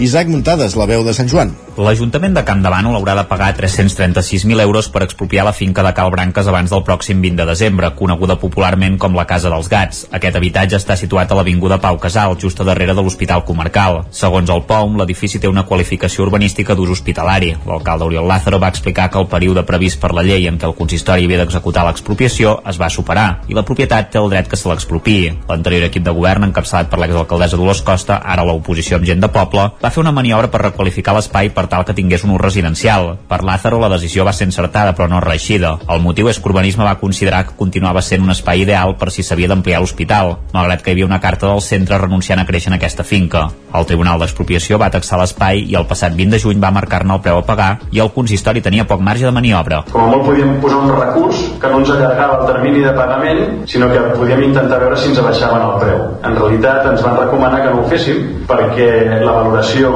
del tribunal havia estat superior a aquesta xifra i havien agafat aquesta xifra perquè era la que havien posat els propietaris. Per tant, era allò de millor no et queixis. I per, doncs el 20 de juny, Josep que van entrar com a alcalde, 336.000 euros, 6 mesos per pagar. Això ho diu la llei també. No ho pots passar d'aquí. Sí que pots, però a partir d'aquí generes interessos. És per això que l'Ajuntament va aprovar unes modificacions de crèdit per import d'uns 320.000 euros i també hi ha destinat 15.000 euros de fons propis. L'alcalde ho va justificar dient que volien fer net i no volien passar patates calentes d'un mandat a l'altre. El futur de la finca tampoc està clar quan sigui propietat de l'Ajuntament. El Departament de Salut no la vol i el consistori està buscant una justificació perquè Urbanisme els accepti el canvi d'ús. L'alcalde va avançar que hi ha més expropiacions en dansa.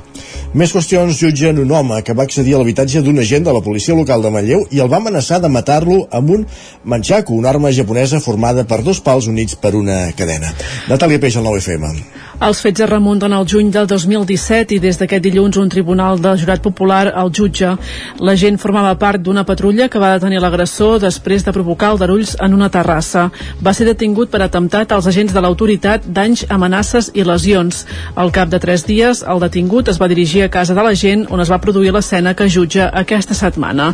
En total se'l jutja per tres delictes, violació de domicili, amenaces i tinença d'armes prohibides. Tots tres sumen una pena de dos anys i set mesos treballadors de presó, un ordre d'allunyament a menys de 500 metres de la víctima durant 5 anys un cop complerta la pena de presó i una multa de 2.400 euros. Més qüestions, Sant Feliu de Codines ha perdut 175 treballadors assalariats i 155 autònoms en un any. Roger Rams, Ona Codinenca. Exacte, els llocs de treball han caigut i de manera significativa a Sant Feliu de Codines en el tercer trimestre d'aquest 2023. Així ho mostra el butlletí d'estructura productiva elaborat per l'Observatori Centre d'Estudis del Consell Comarcal del Vallès Oriental. En la data de publicació d'aquest estudi, el passat mes de setembre, a Sant Feliu hi havia 1.490 assalariats. Això és un 10,5% menys que ara fa un any i 450 persones autònomes, el que representa un descens del 25,6% o el que és el mateix mateix, un de cada quatre autònoms del poble ha plegat. Aquest informe que incorpora les xifres de treballadors assalariats, autònoms i empreses de la comarca mostra un creixement a nivell comarcal dels llocs de treball entre el juny i el setembre d'un 0,86% pel que fa als assalariats i un 0,81% en el cas dels autònoms.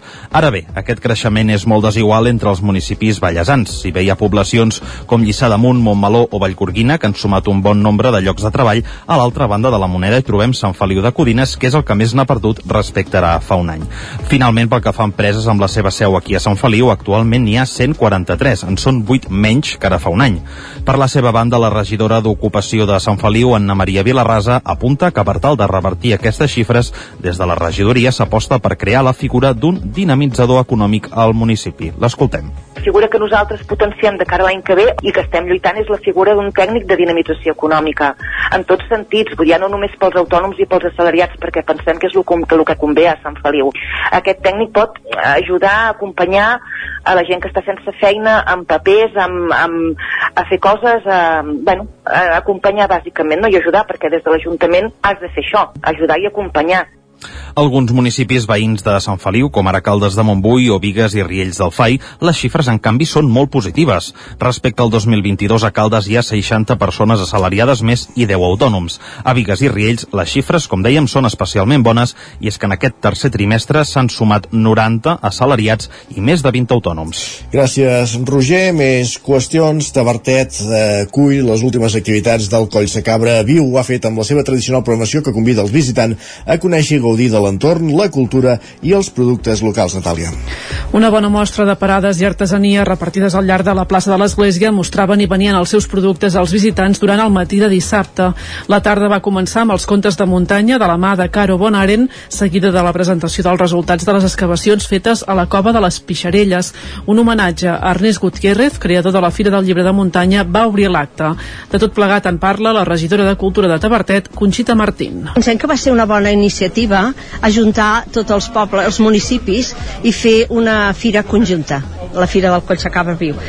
Pensem que també s'ha consolidat, procurem, nosaltres ens toca la quarta setmana, la última, però bueno, eh, fem unes activitats molt variades, tant que hi ha per infants mm, com per jovent i gent gran. Al vespre va ser el torn de l'església de Sant Cristòfol, que un any més va acollir l'actuació del cor d'homes d'Osona. Ben entrada la nit, la sortida astronòmica al Pla de les Llenties va tancar la jornada.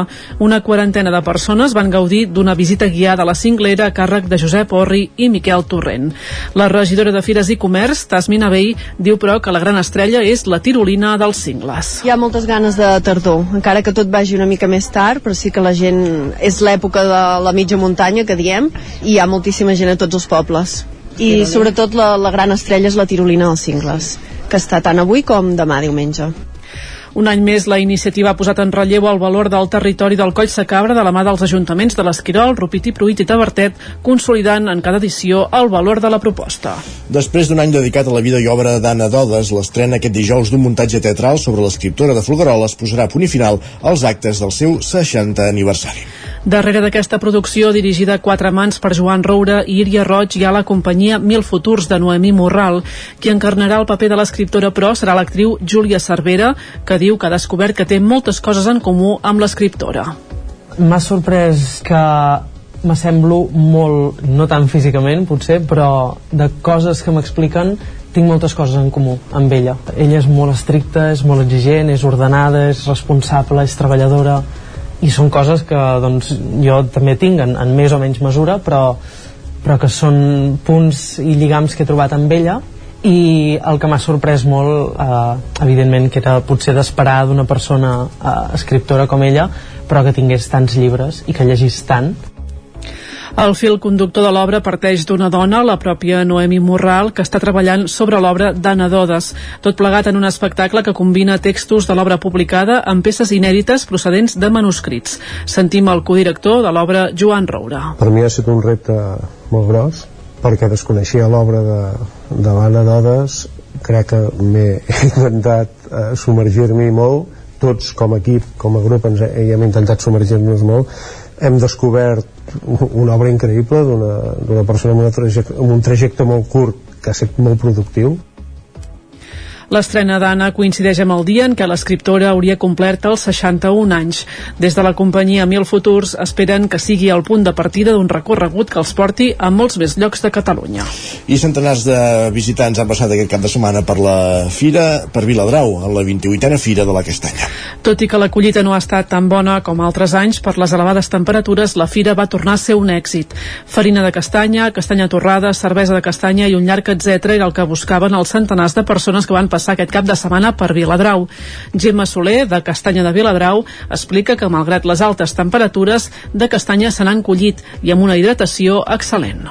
Ens pensàvem que seria bastant fluixa per tot el tema de, del canvi no? de, de clima, però la veritat és que al principi va començar caient amb el palló, la castanya estava dins del palló i costava molt treure-la, l'havíem tret tot a, a mà, amb els peus, no anava traient, i ara eh, hi ha hagut com una parada, després hi ha hagut una segona caiguda, i aquesta ha caigut ja amb els pallons més madurs, per tant, més uh, oberts, no? ja ha estat millor, vull dir que estem contents. Entre les parades vinculades a la castanya també n'hi havia d'artesania i d'entitats del poble. En aquesta edició, precisament, l'alcaldessa Margarida Feliu destacava la implicació dels viladrauencs. Estem molt contents perquè la gent de Viladrau ha posat molt més, més parades del que hi havia els darrers anys. Bé, tant, en aquests moments de les seixantena de parades que hi ha 30 i pico són de gent de Viladrau i, és, i gent que per primera vegada també posa. L'epicentre de la fira va ser una vegada més la plaça on l'AMPA de l'Escola Els Castanyers hi va torrar uns 800 quilos de castanyes. Després de l'èxit de la fira, Viladrau es prepara per culminar la castanyada avui al vespre amb la 26a edició del Vall de Bruixes. I a la plana esportiva, el Cardedeu s'han dut eh, cap a casa els 3 punts d'un dels derbis de la temporada on ha hagut de lluitar fins a l'últim moment per aconseguir superar el Vilamajor. Estem parlant d'en vol, Enric Rubio, Ràdio Televisió Cardedeu. Així és, Isaac, i tal com vam explicar, el club amb el Cardedeu ha guanyat el derbi en la setena jornada de la Lliga. En aquesta ocasió, l'equip cardedeuenc s'ha imposat contra el club amb vol Vilamajor amb un resultat de 26 a 20. Amb aquesta nova victòria sumen dos punts més i continuen segones a 12 punts a, a, dotzenes, a 12 de les primeres del club amb vol en posta. Ens ho explica Belén Retxe. És que estàvem bastant nervioses perquè al ser un derbi pues, ho jugues amb més intensitat, amb més ganes. Eh, el plantejament era sobretot a intentar jugar amb dos pivots perquè tenim dos pivots que són molt grans i sabem que podem acumular molta defensa i després les laterals i les extrems queden més lliures.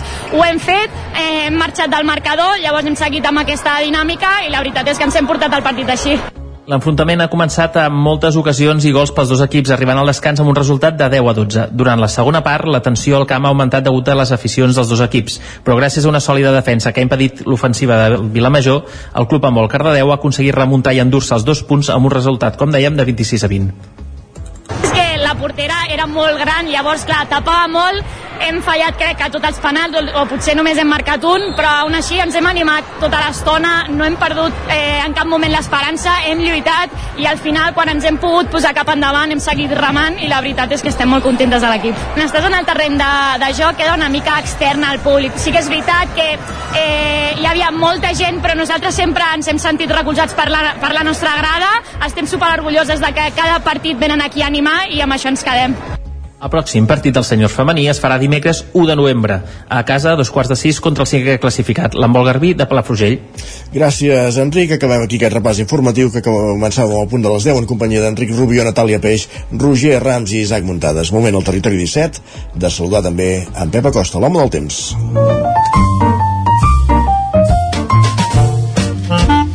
Casa Terradellos us ofereix el temps. Doncs anem cap a una codinenca, allà ens espera en Pep Acosta per explicar-nos quin temps farà avui. Pep, benvingut de nou, bon dia. Hola, molt bon dia. I avui serà un dia força assolellat i força tranquil. Tot i això serà més fred, serà més fred que no pas ahir. eh, les temperatures no pujaran tant, moltes màximes es quedaran entre els 15 i els 20 graus. Així que a migdia l'ambient serà força agradable, però no serà ni de bon tos càlid ni, ni, ni, ni res d'això, eh? Serà un, unes temperatures força normals per l'època de l'any. I com deia, un cel força assolellat, només algun núvol a la tarda, molt poca cosa, el vent afluixarà i per tant no hi haurà el vent d'ahir i serà un dia, com deia, força, força tranquil, una castanyada força tranquil·la.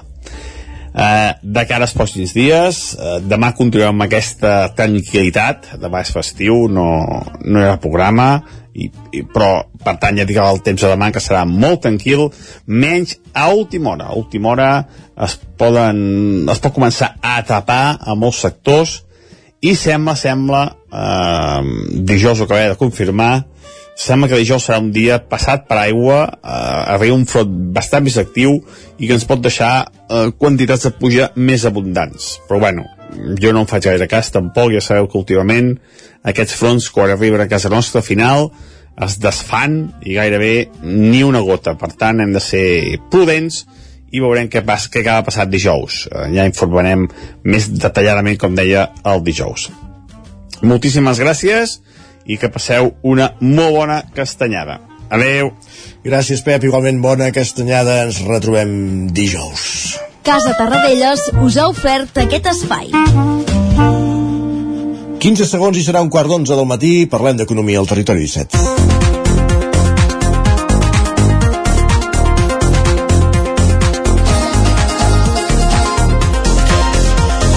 La setmana passada coneixíem els pactes de l'acord d'investidura entre el PSOE i Sumar, un acord d'investidura que encara no suma eh, tots els suports necessaris per poder-se dur endavant.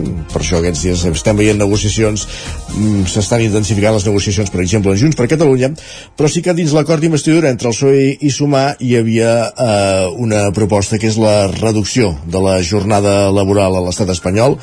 I avui volem aprofundir sobre aquesta proposta, què pot suposar, perquè hi ha qui n'és més partidari i qui n'és més contrari. De tot plegat en parlem amb en Joan Carles Arredondo, que és el cap d'Economia del 9-9 del Vallès Oriental, que ens acompanya cada dimarts a aquesta hora per parlar d'economia. Joan Carles, benvingut, bon dia. Bon dia. Doncs ja hi som, eh? Estem amb, una, amb un reflex dels temps actuals, eh? Sí. Uh, amb, amb, aquesta, amb aquesta proposta. Sí, hi ha, o sigui, hi ha dues forces gairebé que, que es podria dir que mouen el món. És l, que no són el seu sumar, eh? I, aquí està, però, però això, eh? Vull dir, quan, sempre que hi ha una proposta hi ha algú que la, la, la recull amb entusiasme i hi ha algú que la recull amb mal humor eh? Sí. i llavors els termes mitjos eh, estan diguem-ne que no, no, no, no són temps eh, per, per, per l'equilibri de les mitges tintes I d'això Twitter n'és testimoni. per, jo, jo crec que, que, que n'és la màxima expressió Exacte. però de tota manera eh, eh, declaracions grandiloquents que s'han fet aquests dies no s'han fet per Twitter eh? Vull dir, hi ha hagut algun comunicat en el qual es, es deia que um, aquesta, la proposta de la qual estem parlant eh, de, de, de la reducció de, de, de la jornada laboral després explicarem com, com va això eh?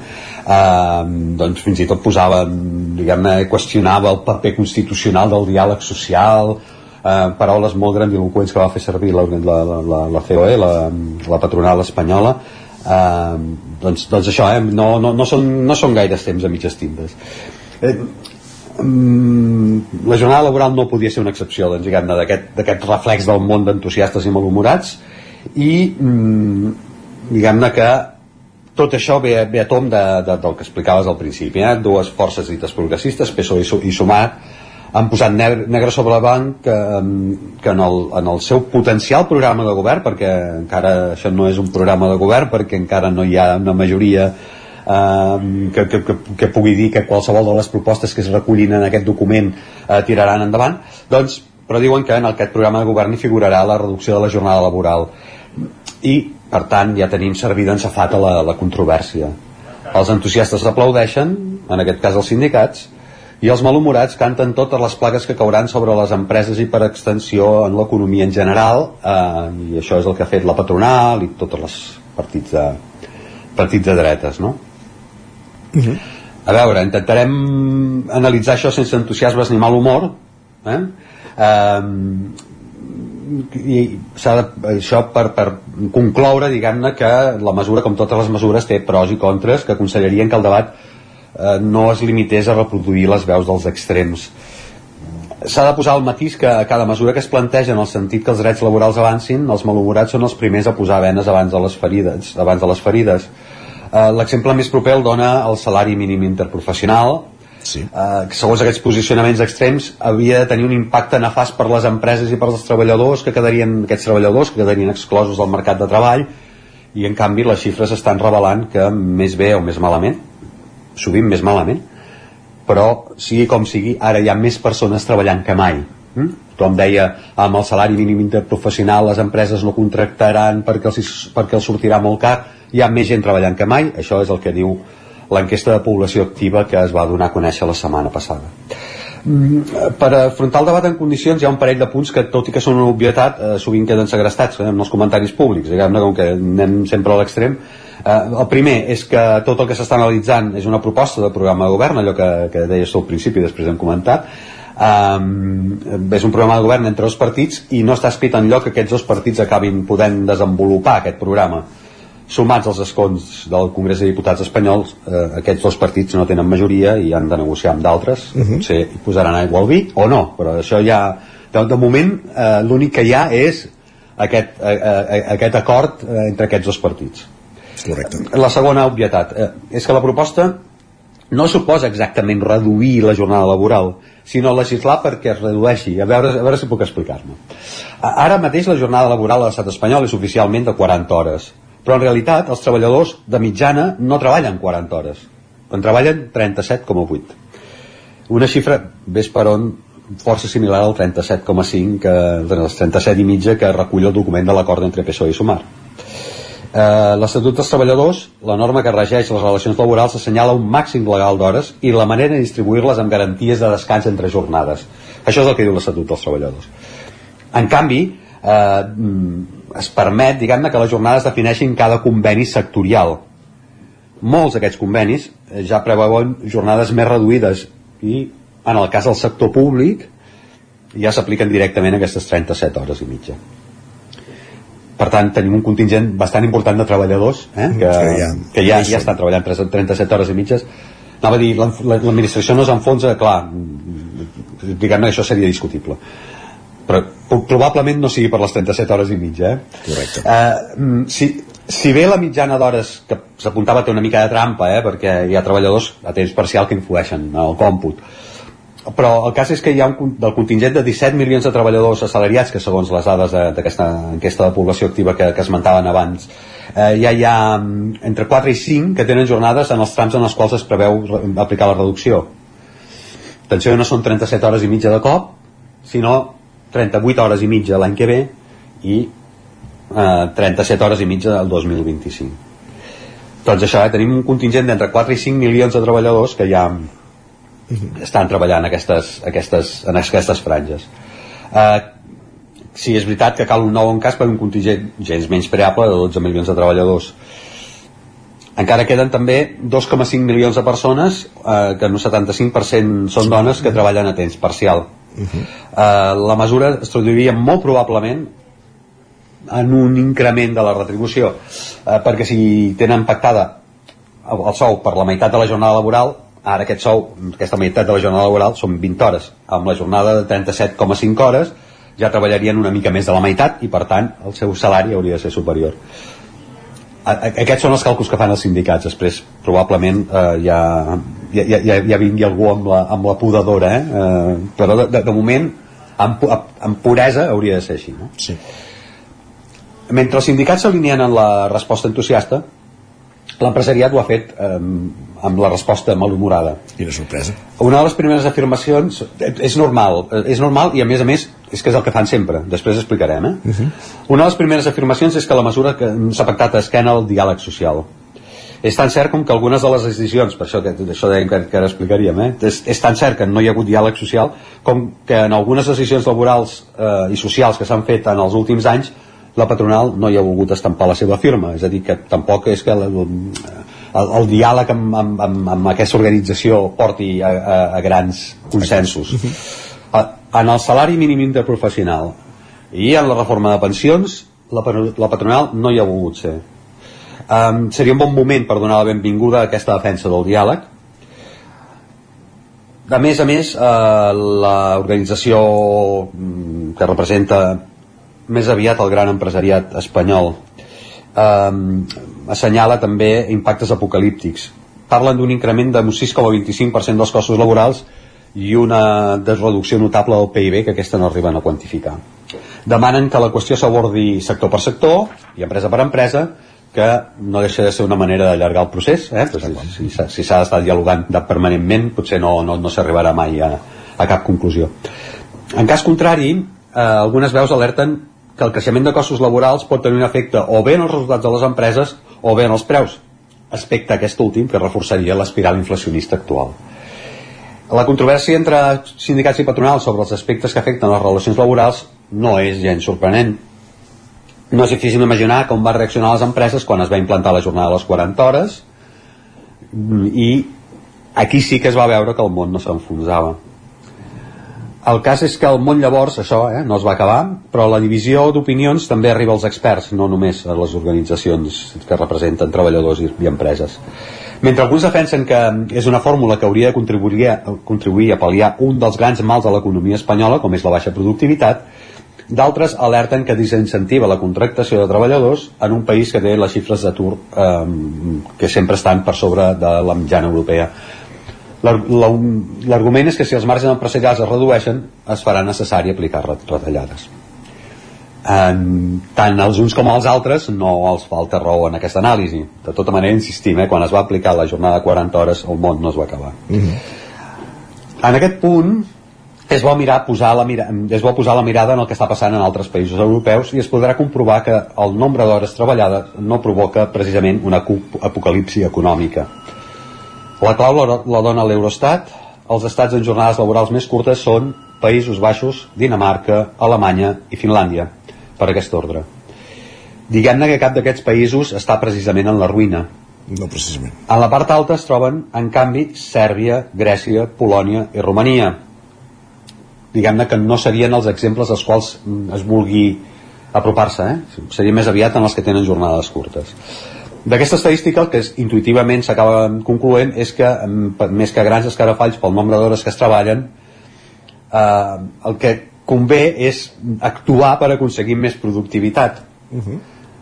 i això vol dir també que els sectors predominants siguin els que porten més valor afegit ho volia sintetitzar d'una manera però em sembla una mica provocadora de tota ja. manera com que estem, hem, vingut, hem vingut a aquest món a provocar seria més tecnologia i menys cafès eh? diguem-ne, la, la, la cosa seria menys tecnologia i menys cafès eh, la, la, la manera d'incrementar la productivitat la reducció de jornada per si sola potser no aconsegueix aquest l'objectiu aquest d'incrementar el valor afegit i la productivitat, però allò que hi ajudi hauria de ser benvingut, amb diàleg, preferiblement amb diàleg, però que sigui un diàleg que no quedi en mans entusiastes o malhumorats.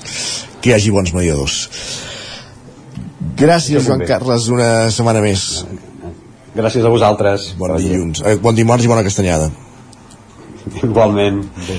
Acabem aquí aquesta secció d'Economia avui amb aquesta reflexió que ens feia en Joan Carles Arredondo a l'entorn d'aquesta proposta del PSOE i Sumar de reduir la, la jornada laboral de l'estat espanyol. Eh, cartes posades sobre la taula, està clar. Nosaltres el que fem tot seguit és una petita pausa i ens esperen Guillem Sánchez amb les piolades del matí. Fins ara mateix. El nou FM, la ràdio de casa, al 92.8.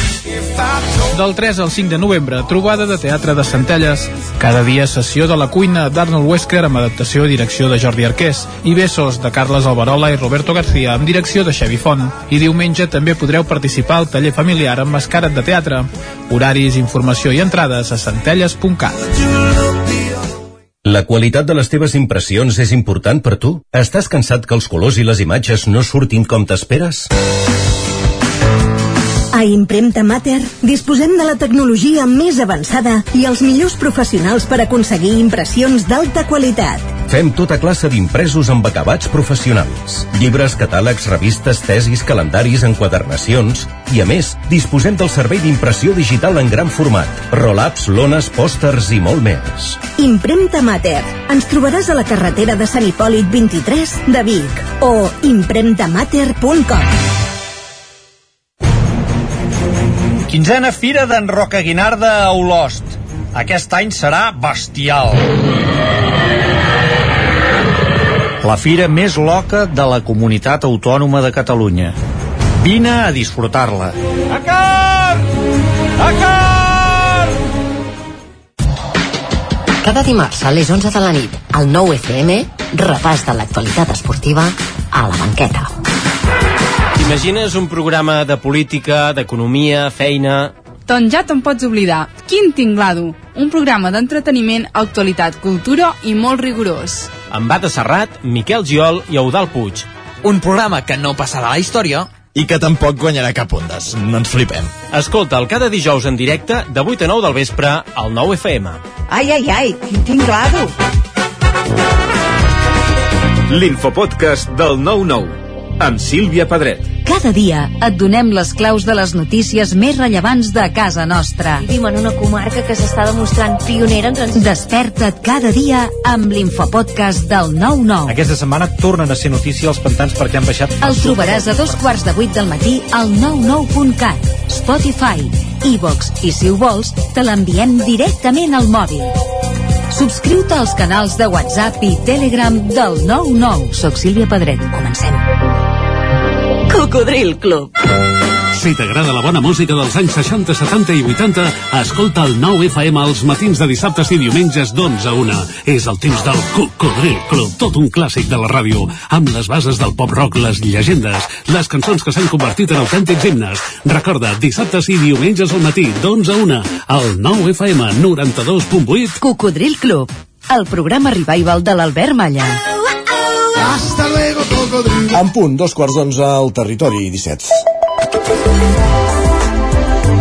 I com cada dimarts, com cada matí, ens esperen Guillem Sánchez amb les pilades més rellevants que ha trobat a Twitter. Guillem, bon dia. Què tal, com estem? Bé, i tu? Doncs mira, amb la gent amb ganes de parlar de pilotes d'or i de Ah, gales i de Messis i d'Aitanes. Aitanes. Normal, no? I tant. Per exemple, l'Edgar, que ens diu Haaland, Mbappé i companyia veient un vídeo en català de Sant Pere de Ribes on ha aparegut una gran enciclopèdia catalana.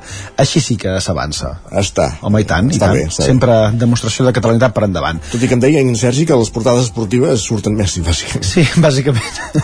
Fem Coses, coses, coses que tampoc s'entenen. Ara ho has dit. En Marc ens hi afegeix, diu, els fills de Leo Messi es prenen la gala de la pilota d'or com anar els diumenges a missa. Home, s'ha de ser formal, no? Home, sí, anaven amb aquell smoking, pobre canall. un goig. Jo, jo crec que també devien tenir moments, eh? moments de, de missa i moments de disbauxa. També, Va, i en Jaume ens fa una de les millors aportacions possibles, ens diu Ojo que Beckham comença a perdre el cabell, un altre títol. És que aquestes gales també quan retrobes a gent que fa temps que no veus, que no estan en primera línia i que havien estat i ara ja no són tant, i els veus... Mmm, ostres, eh? Et pots endur alguna sorpresa. També és cert. Em va fer gràcia veure en Djokovic durant També. el premi a la, a l'Aitana. Un senyor que juga a tennis en una gala de, de premis que reconeixen a I futbolistes. pro pronunciant Aitana bon matí a la perfecció. que vagin aprenent també. alguns. Per tant, demostració que no és, que no és complicat. No és tan difícil. Va, i en Xavi ens exposa el següent. Diu, donar-li un premi pels valors a Vinícius ha estat el moment entre còmic i surrealista de la gala. Això Diu, no va passar? Res més allunyat dels motius del guardó. Es veu que sí, senyor. imagina't. Però va, canviant de tema i recuperem una mica el debat que iniciàvem ahir sobre el canvi d'hora i la tardor. Per exemple, l'Ariadna que ens dona ítems positius. Ens diu, ple número 8 de la tardor. Està enganxada al radar, fent F5, veient com les precipitacions es van acostant i de cop comenci a ploure. Petit ple, eh? Petit ple, s'ha de, de dir. Uh, mentrestant, en Xevi ens confessa el següent, diu, les coses com siguin, amb això del canvi d'hora la vida comença a ser una mica més avorrida a partir de quarts de sis de la, de la tarda. Jo sóc d'aquest equip, eh, també. Doncs imagina't, teniu sis mesos per endavant ara, eh? I la Marta ens pregunta, diu, si quan trec la gossa al matí de nit i al vespre també, què hem guanyat amb el canvi d'hora? Uh, potser el problema el té ella, eh? que, es que es lleva molt d'hora i va plega molt d'hora també I aquesta piulada, Isaac, t'he de dir que no l'he vista venir. digues Lo de fer-li un jersei de ganxet a un moniato és una cosa surrealista. i això d'on surt? D'una usuària que o, o li ha fet ella o ha vist algú que li fa un jersei de ganxet a un moniato. Carai. Jo he de dir que els moniatos els faig servir per altres coses. Per menjar-me'ls, bàsicament. Com, per exemple, el que ens diu en Dani, diu menú adaptat al canvi climàtic, diu crema freda de moniato i gelat de castanyes. Veus? Per acompanyar el cafè, uns quants panellets. Això està bé. Això està bé, no? Molt I bé. parlant de menjar, atenció a aquesta confessió. Ens diuen, increïble com es conserva de bé la poma que fa més de dues setmanes que tinc a l'armari de la feina. Carai. No et passa, a, a vegades, això que agafes a la, Sí, sí, que cosa passa, per sí, picar sí. la feina i es Sí, queda en algun calaix o algun armari? Que no t'enganxin soler, ja t'ho recordarà, que llavors venen rates. Va, i dues piulades per acabar. Un debat que ha encetat l'Ignasi, que ens posa sobre la taula, diu com podem dir-li al senyor Musk que en lloc de X s'ha republicat, han d'escriure X ho ha republicat. El senyor Musk, que no és el senyor Mas, eh? No, és, el- no és el mateix, eh? I respon l'Agustí i diu, doncs no ho sé, però ja fa setmanes que em treu de polleguera aquesta expressió mal traduïda. Doncs ens, assumim, ens afegim a la reivindicació. Enviarem un missatge directe amb el senyor Mas, a veure si ens fa, si ens fa cas. Molt bé, Guillem, gràcies. Va, que vagi bon bé. dimarts, bona castanyada. Igualment.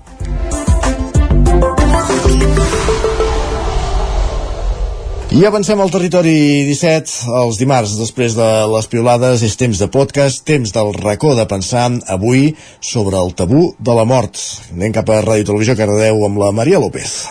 Fa només algunes setmanes, en aquest mateix estudi, varen viure segurament una de les tertulies més emotives que hem fet des de que va començar el racó de pensar fa gairebé 5 anys.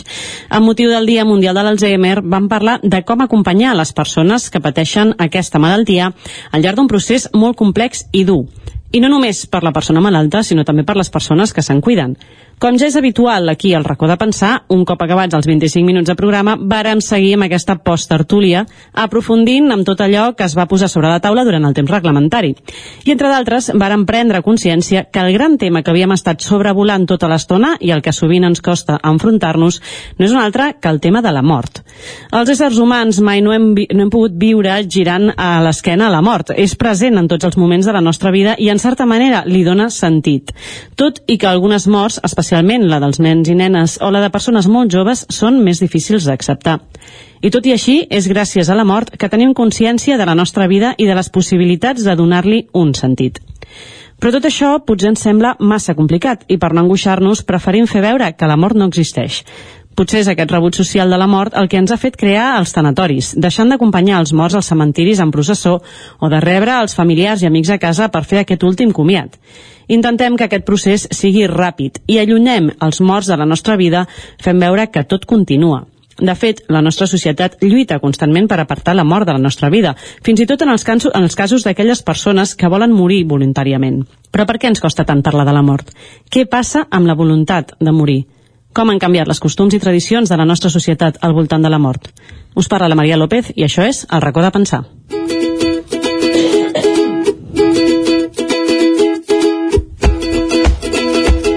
El racó de pensar, des de Ràdio Cardedeu. I com ens vam quedar amb ganes de més ara fa unes setmanes, avui tenim a l'estudi a tres reincidents. D'una banda ens acompanya la Carme Ruiz, ella és educadora a l'Hospital Sant Jordi, a l'Hospital de Dia de Demències de l'Hospital de Granollers. Bon dia, Carme, i benvinguda. Bon dia. Ens acompanya també la Sandra Baño- Baños, ella és tècnica auxiliar de clínica a l'Hospital de Granollers a pal·liatius i ha estat formadora en acompanyament al dol i a la mort. Bon dia, Sandra, i gràcies per venir al racó de pensar. Hola, bon dia. I ens acompanya també una setmana més el nostre estimat Juanjo Fernández, tertulià habitual de la casa, professor, escriptor, conferenciant i visual thinker. És un tema que segueix estant pendent que m'expliquis en detall. I en Juanjo ens va acompanyar al programa de l'Alzheimer aportant també la seva experiència personal i avui, de fet, t'acompanyem nosaltres a tu en un dia una mica emotiu perquè, si no vaig errada, avui fa just un any que, que va morir el teu pare. Avui fa un any, sí. Així que gràcies dobles perquè sé que és un dia especial i esperem poder fer-te una bona companyia en una jornada com la d'avui. Gràcies. Dit això, dèiem que la mort és un tema al que ens costa fer front i en canvi, Sandra, tu t'hi trobes cada dia a la, a la teva feina de cara a cara, diguéssim. De fet, eh, hem dit que has estat formadora en acompanyament al dol i a la mort. No sé si ho dic correctament. En què consisteix exactament aquest tipus de formació? Com s'ensenya a una cosa així? Bueno, bàsicament t'ensenyen primer a tu com a persona a, a parlar de la mort amb tranquil·litat i amb calma que aquest tema jo ja el vaig tenir que resoldre personalment temps enrere de treballar aquí, però bueno, bromes al destí, he acabat jo exercint aquest suport. I bàsicament és acompanyar els familiars i el malalt en el moment del final de vida. El que passa que s'ha de ser molt delicat perquè no tothom vol rebre ajut ni tothom està disposat a parlar-ho. Moltes vegades sí que et fan preguntes obertes perquè volen saber el què i les famílies també estan disposats a rebre aquest suport. I d'altres vegades es manté un silenci que no volen saber ni què passarà ni quin pronòstic hi ha sinó deixar passar i que passi el que hagi de passar sense, sense parlar-ho. Llavors bàsicament la formació que rebem és acompanyant aquest procés i poder tenir una conversa tranquil·la, calmada assessorar donar suport i ajudar que aquest moment sigui, encara que no soni bé, agradable.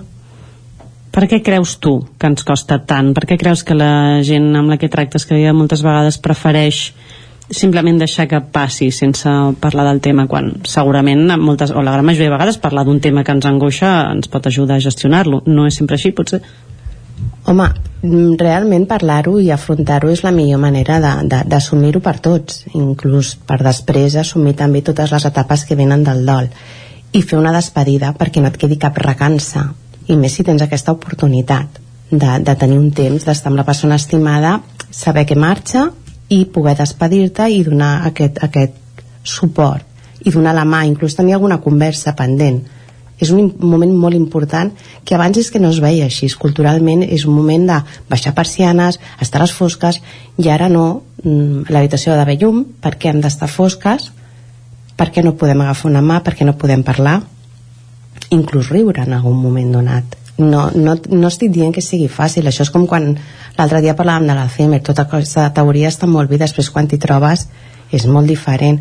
També depèn molt de a qui estàs despedint. Si estàs despedint el teu pare amb certa edat i Juanjo suposo que tot i que costa moltíssim perquè és el teu pare ho assumeixes d'una altra manera. Tot això si li expliques a algú que està despedint el seu fill o la seva filla amb segons quina edat o que a més a més saps que tu ja ets gran i que està deixant la teva filla uns nets petits és, és, és totalment injust i aviam, cuidado, cuidado, aviam què diem perquè et pots emportar una de, de grossa perquè costa molt assumir això uh -huh. Carmen, en el teu cas també treballes dia a dia amb gent bastant més gran. No sé si creus que hi ha un canvi de, de mirada segons ens anem fent grans ens, ens atrevim més a parlar d'això o, o continua sent com un, un tabú una mica aquí no passa res, ja m'ho trobaré uh, quan parles amb persones que estan amb, no en fase final de vida, però sí que és persona, són persones que són molt grans, molt, molt grans, i que d'alguna manera, com elles diuen, veuen les orelles al llop, és més fàcil eh, parlar d'aquest tema. No tant de com morir, de què morir, sinó del temps que els, del temps que els hi queda. Ells, moltes vegades ells parlen d'aquella la, la, la llei del metro, eh? la llei del metro, la, la llei de, del temps que em queda després del metro però per les persones que són molt grans també hi ha aquesta dualitat no? de eh, podem parlar-ne però quan jo vull, quan jo vull uh -huh. no? i una altra cosa són les famílies moltes vegades les famílies són les que menys volen parlar d'aquest tema i les que més reticents estan a l'hora de, de deixar anar de deixar marxar sobretot en persones grans, com jo parlo parlo de persones molt grans uh -huh. Juanjo, en el, el teu cas fa relativament poc, t'ha tocat eh, viure d'alguna manera aquest comiat a una persona estimada. Creus que et van...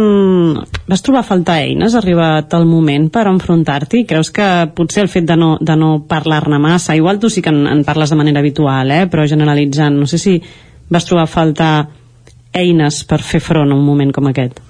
Uh, a veure, és, és un dels temes que a, a aquest nivell així teòric, diríem, jo sí que he, he tractat en, en xerrades eh, meves que curiosament, així com fas una xerrada sobre els deures, sobre l'afectivitat i la sexualitat, sobre l'adolescència i tens públic, quan es planteja des de les AFAs una xerrada sobre el dolor i la mort, eh, llavors et trobes que, que hi ha poca, poca resposta, hi ha poques ganes de, de parlar-ne. Llavors, a, a nivell teòric sí que hi havia una certa preparació, digue-li com vulguis, o eines, però, però no, en el, en el moment no, en la residència on, on estava el meu pare eh, no, jo tinc a veure, eh, el record molt de, de, de l última nit eh, de la nit passada fa, fa un any d'estar amb el meu pare que, que no, ja no hi estava massa dies abans i que estava molt preocupat pels diners i llavors em, em demanava ajuda tot i no hi havia cap problema però ell em demanava ajuda, estava molt preocupat pels diners. I, i jo, jo li anava dient no, no te preocupes, I, i recordo aquella nit última, que ella ja estava inconscient i jo li anava dient això, diu, no te preocupes papá, está todo pagado, está todo pagado está todo bien, está todo bien i i el meu, el meu dol més gran va ser aquella nit. I aquella nit és la que jo vaig plorar més al costat de, del meu pare li vaig agafar la mà i vaig estar amb ell aquella nit i l'endemà és quan, quan, va, quan va morir. Mm, jo el que, el que sí que voldria jo mm, ni que sigui per, per treure també una altra cosa la, la importància de, dels rituals. Eh, no menys tenir sistemàticament els nostres i, i no tenir por d'adaptar d'altres i d'adoptar-ne de nous. Uh -huh. És el comiat de la teva persona estimada.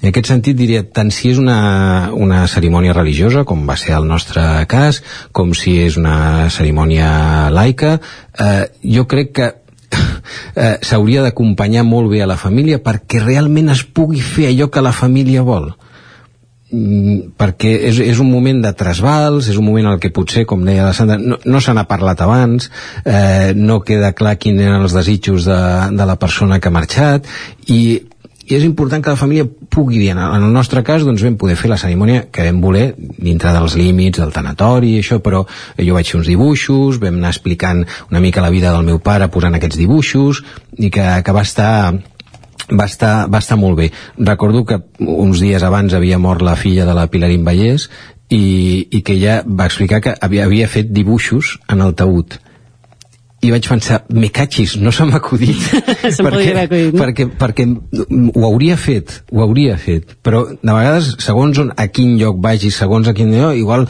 oi, què em dirà? No, no, no t'han de dir res és el comiat de la teva persona estimada. Els rituals són molt importants.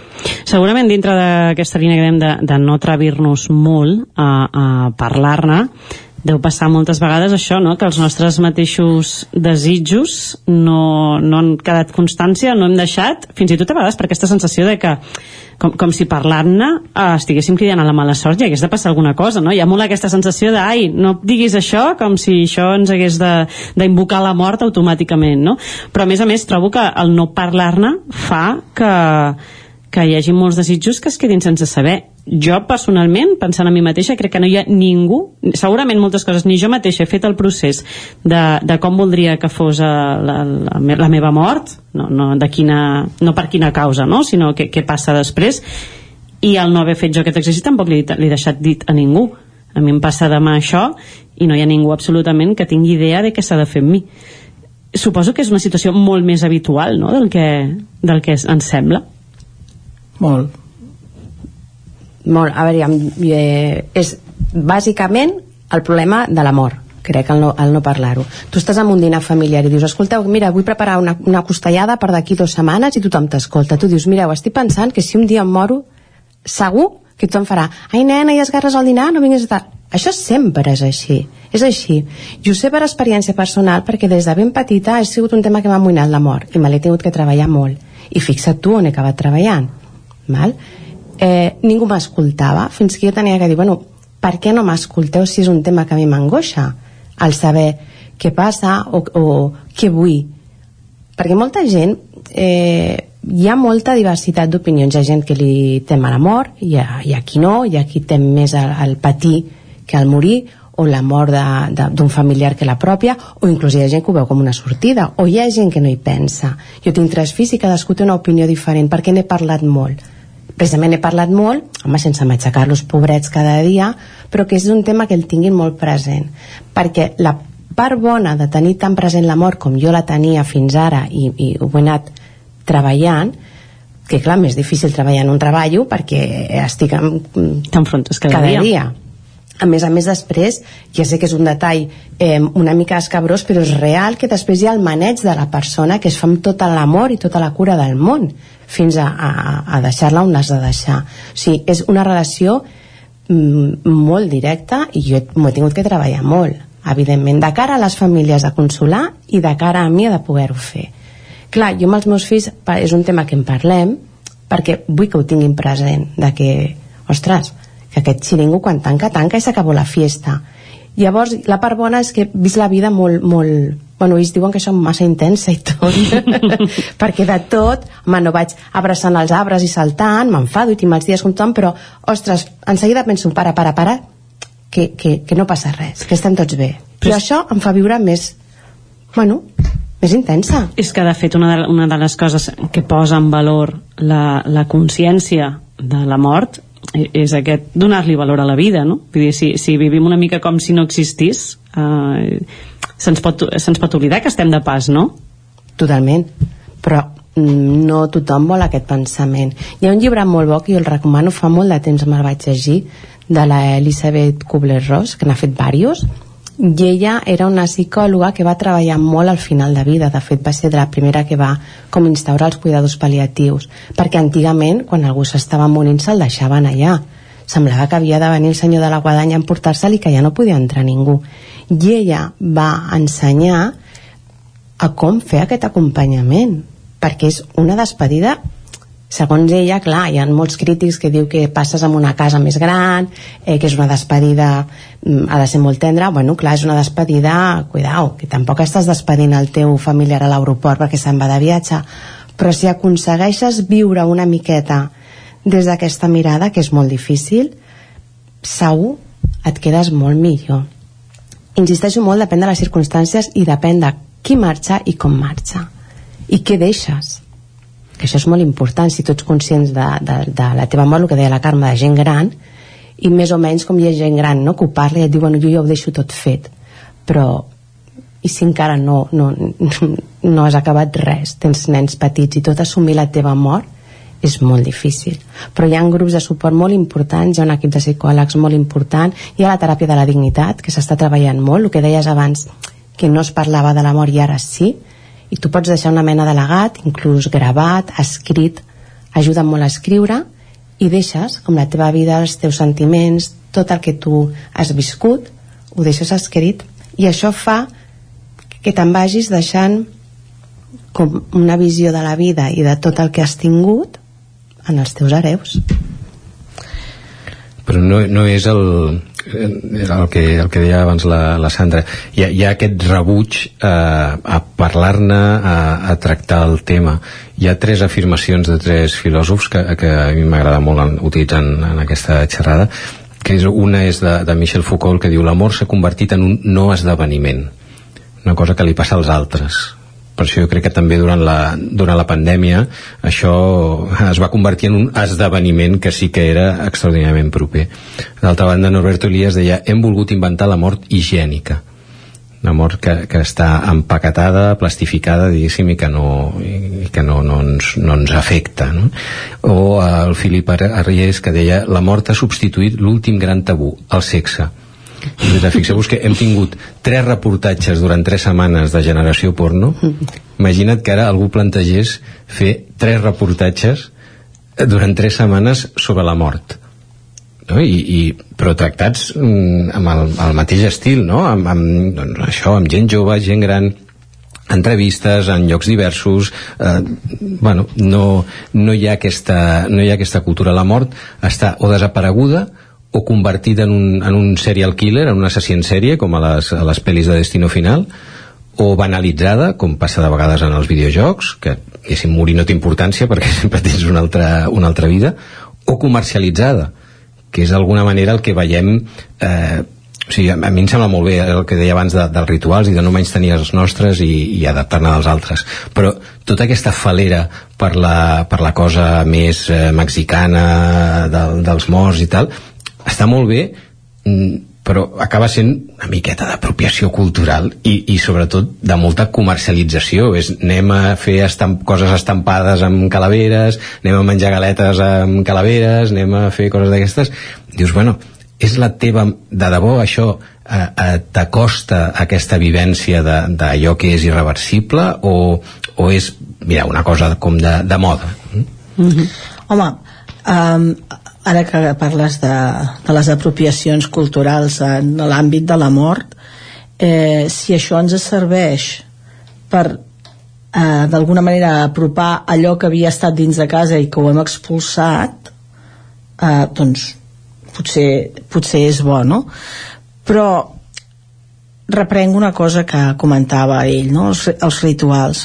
Els rituals estaven molt ben marcats. Jo tinc una amiga, molt amiga, que va perdre la seva parella quan tenia 40 anys la seva parella i ella sempre és una, una dona atea mm, que no creu en cap tipus de bueno, no té creença d'aquest tipus aleshores ella deia, diu, és que els catòlics ho tenen molt ben resolt tenen molts rituals diu, les persones que no tenim creença no tenim rituals quan no tens rituals, iniciar el dol és molt més complex perquè no pots entrar en un dol perquè encara segueixes a peu de mort no tens en lloc on anar a acomiadar, no tens en lloc on anar a plorar, no tens en lloc on anar a reflexionar. Senzillament tens una pèrdua i aquella pèrdua és irreparable i insubstituïble.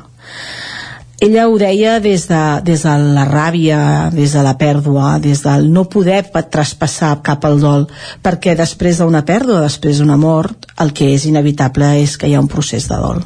I un procés de dol que està molt ben sectorialitzat i que està molt ben marcat i que si mm, aconseguim que no es, no, no es converteixi en un dol patològic ens ajuda a transitar per la nostra vida però no tothom passa per un dol sa que és sa que sigui un dol el que no és sa és que aquest dol sigui perpetu mm?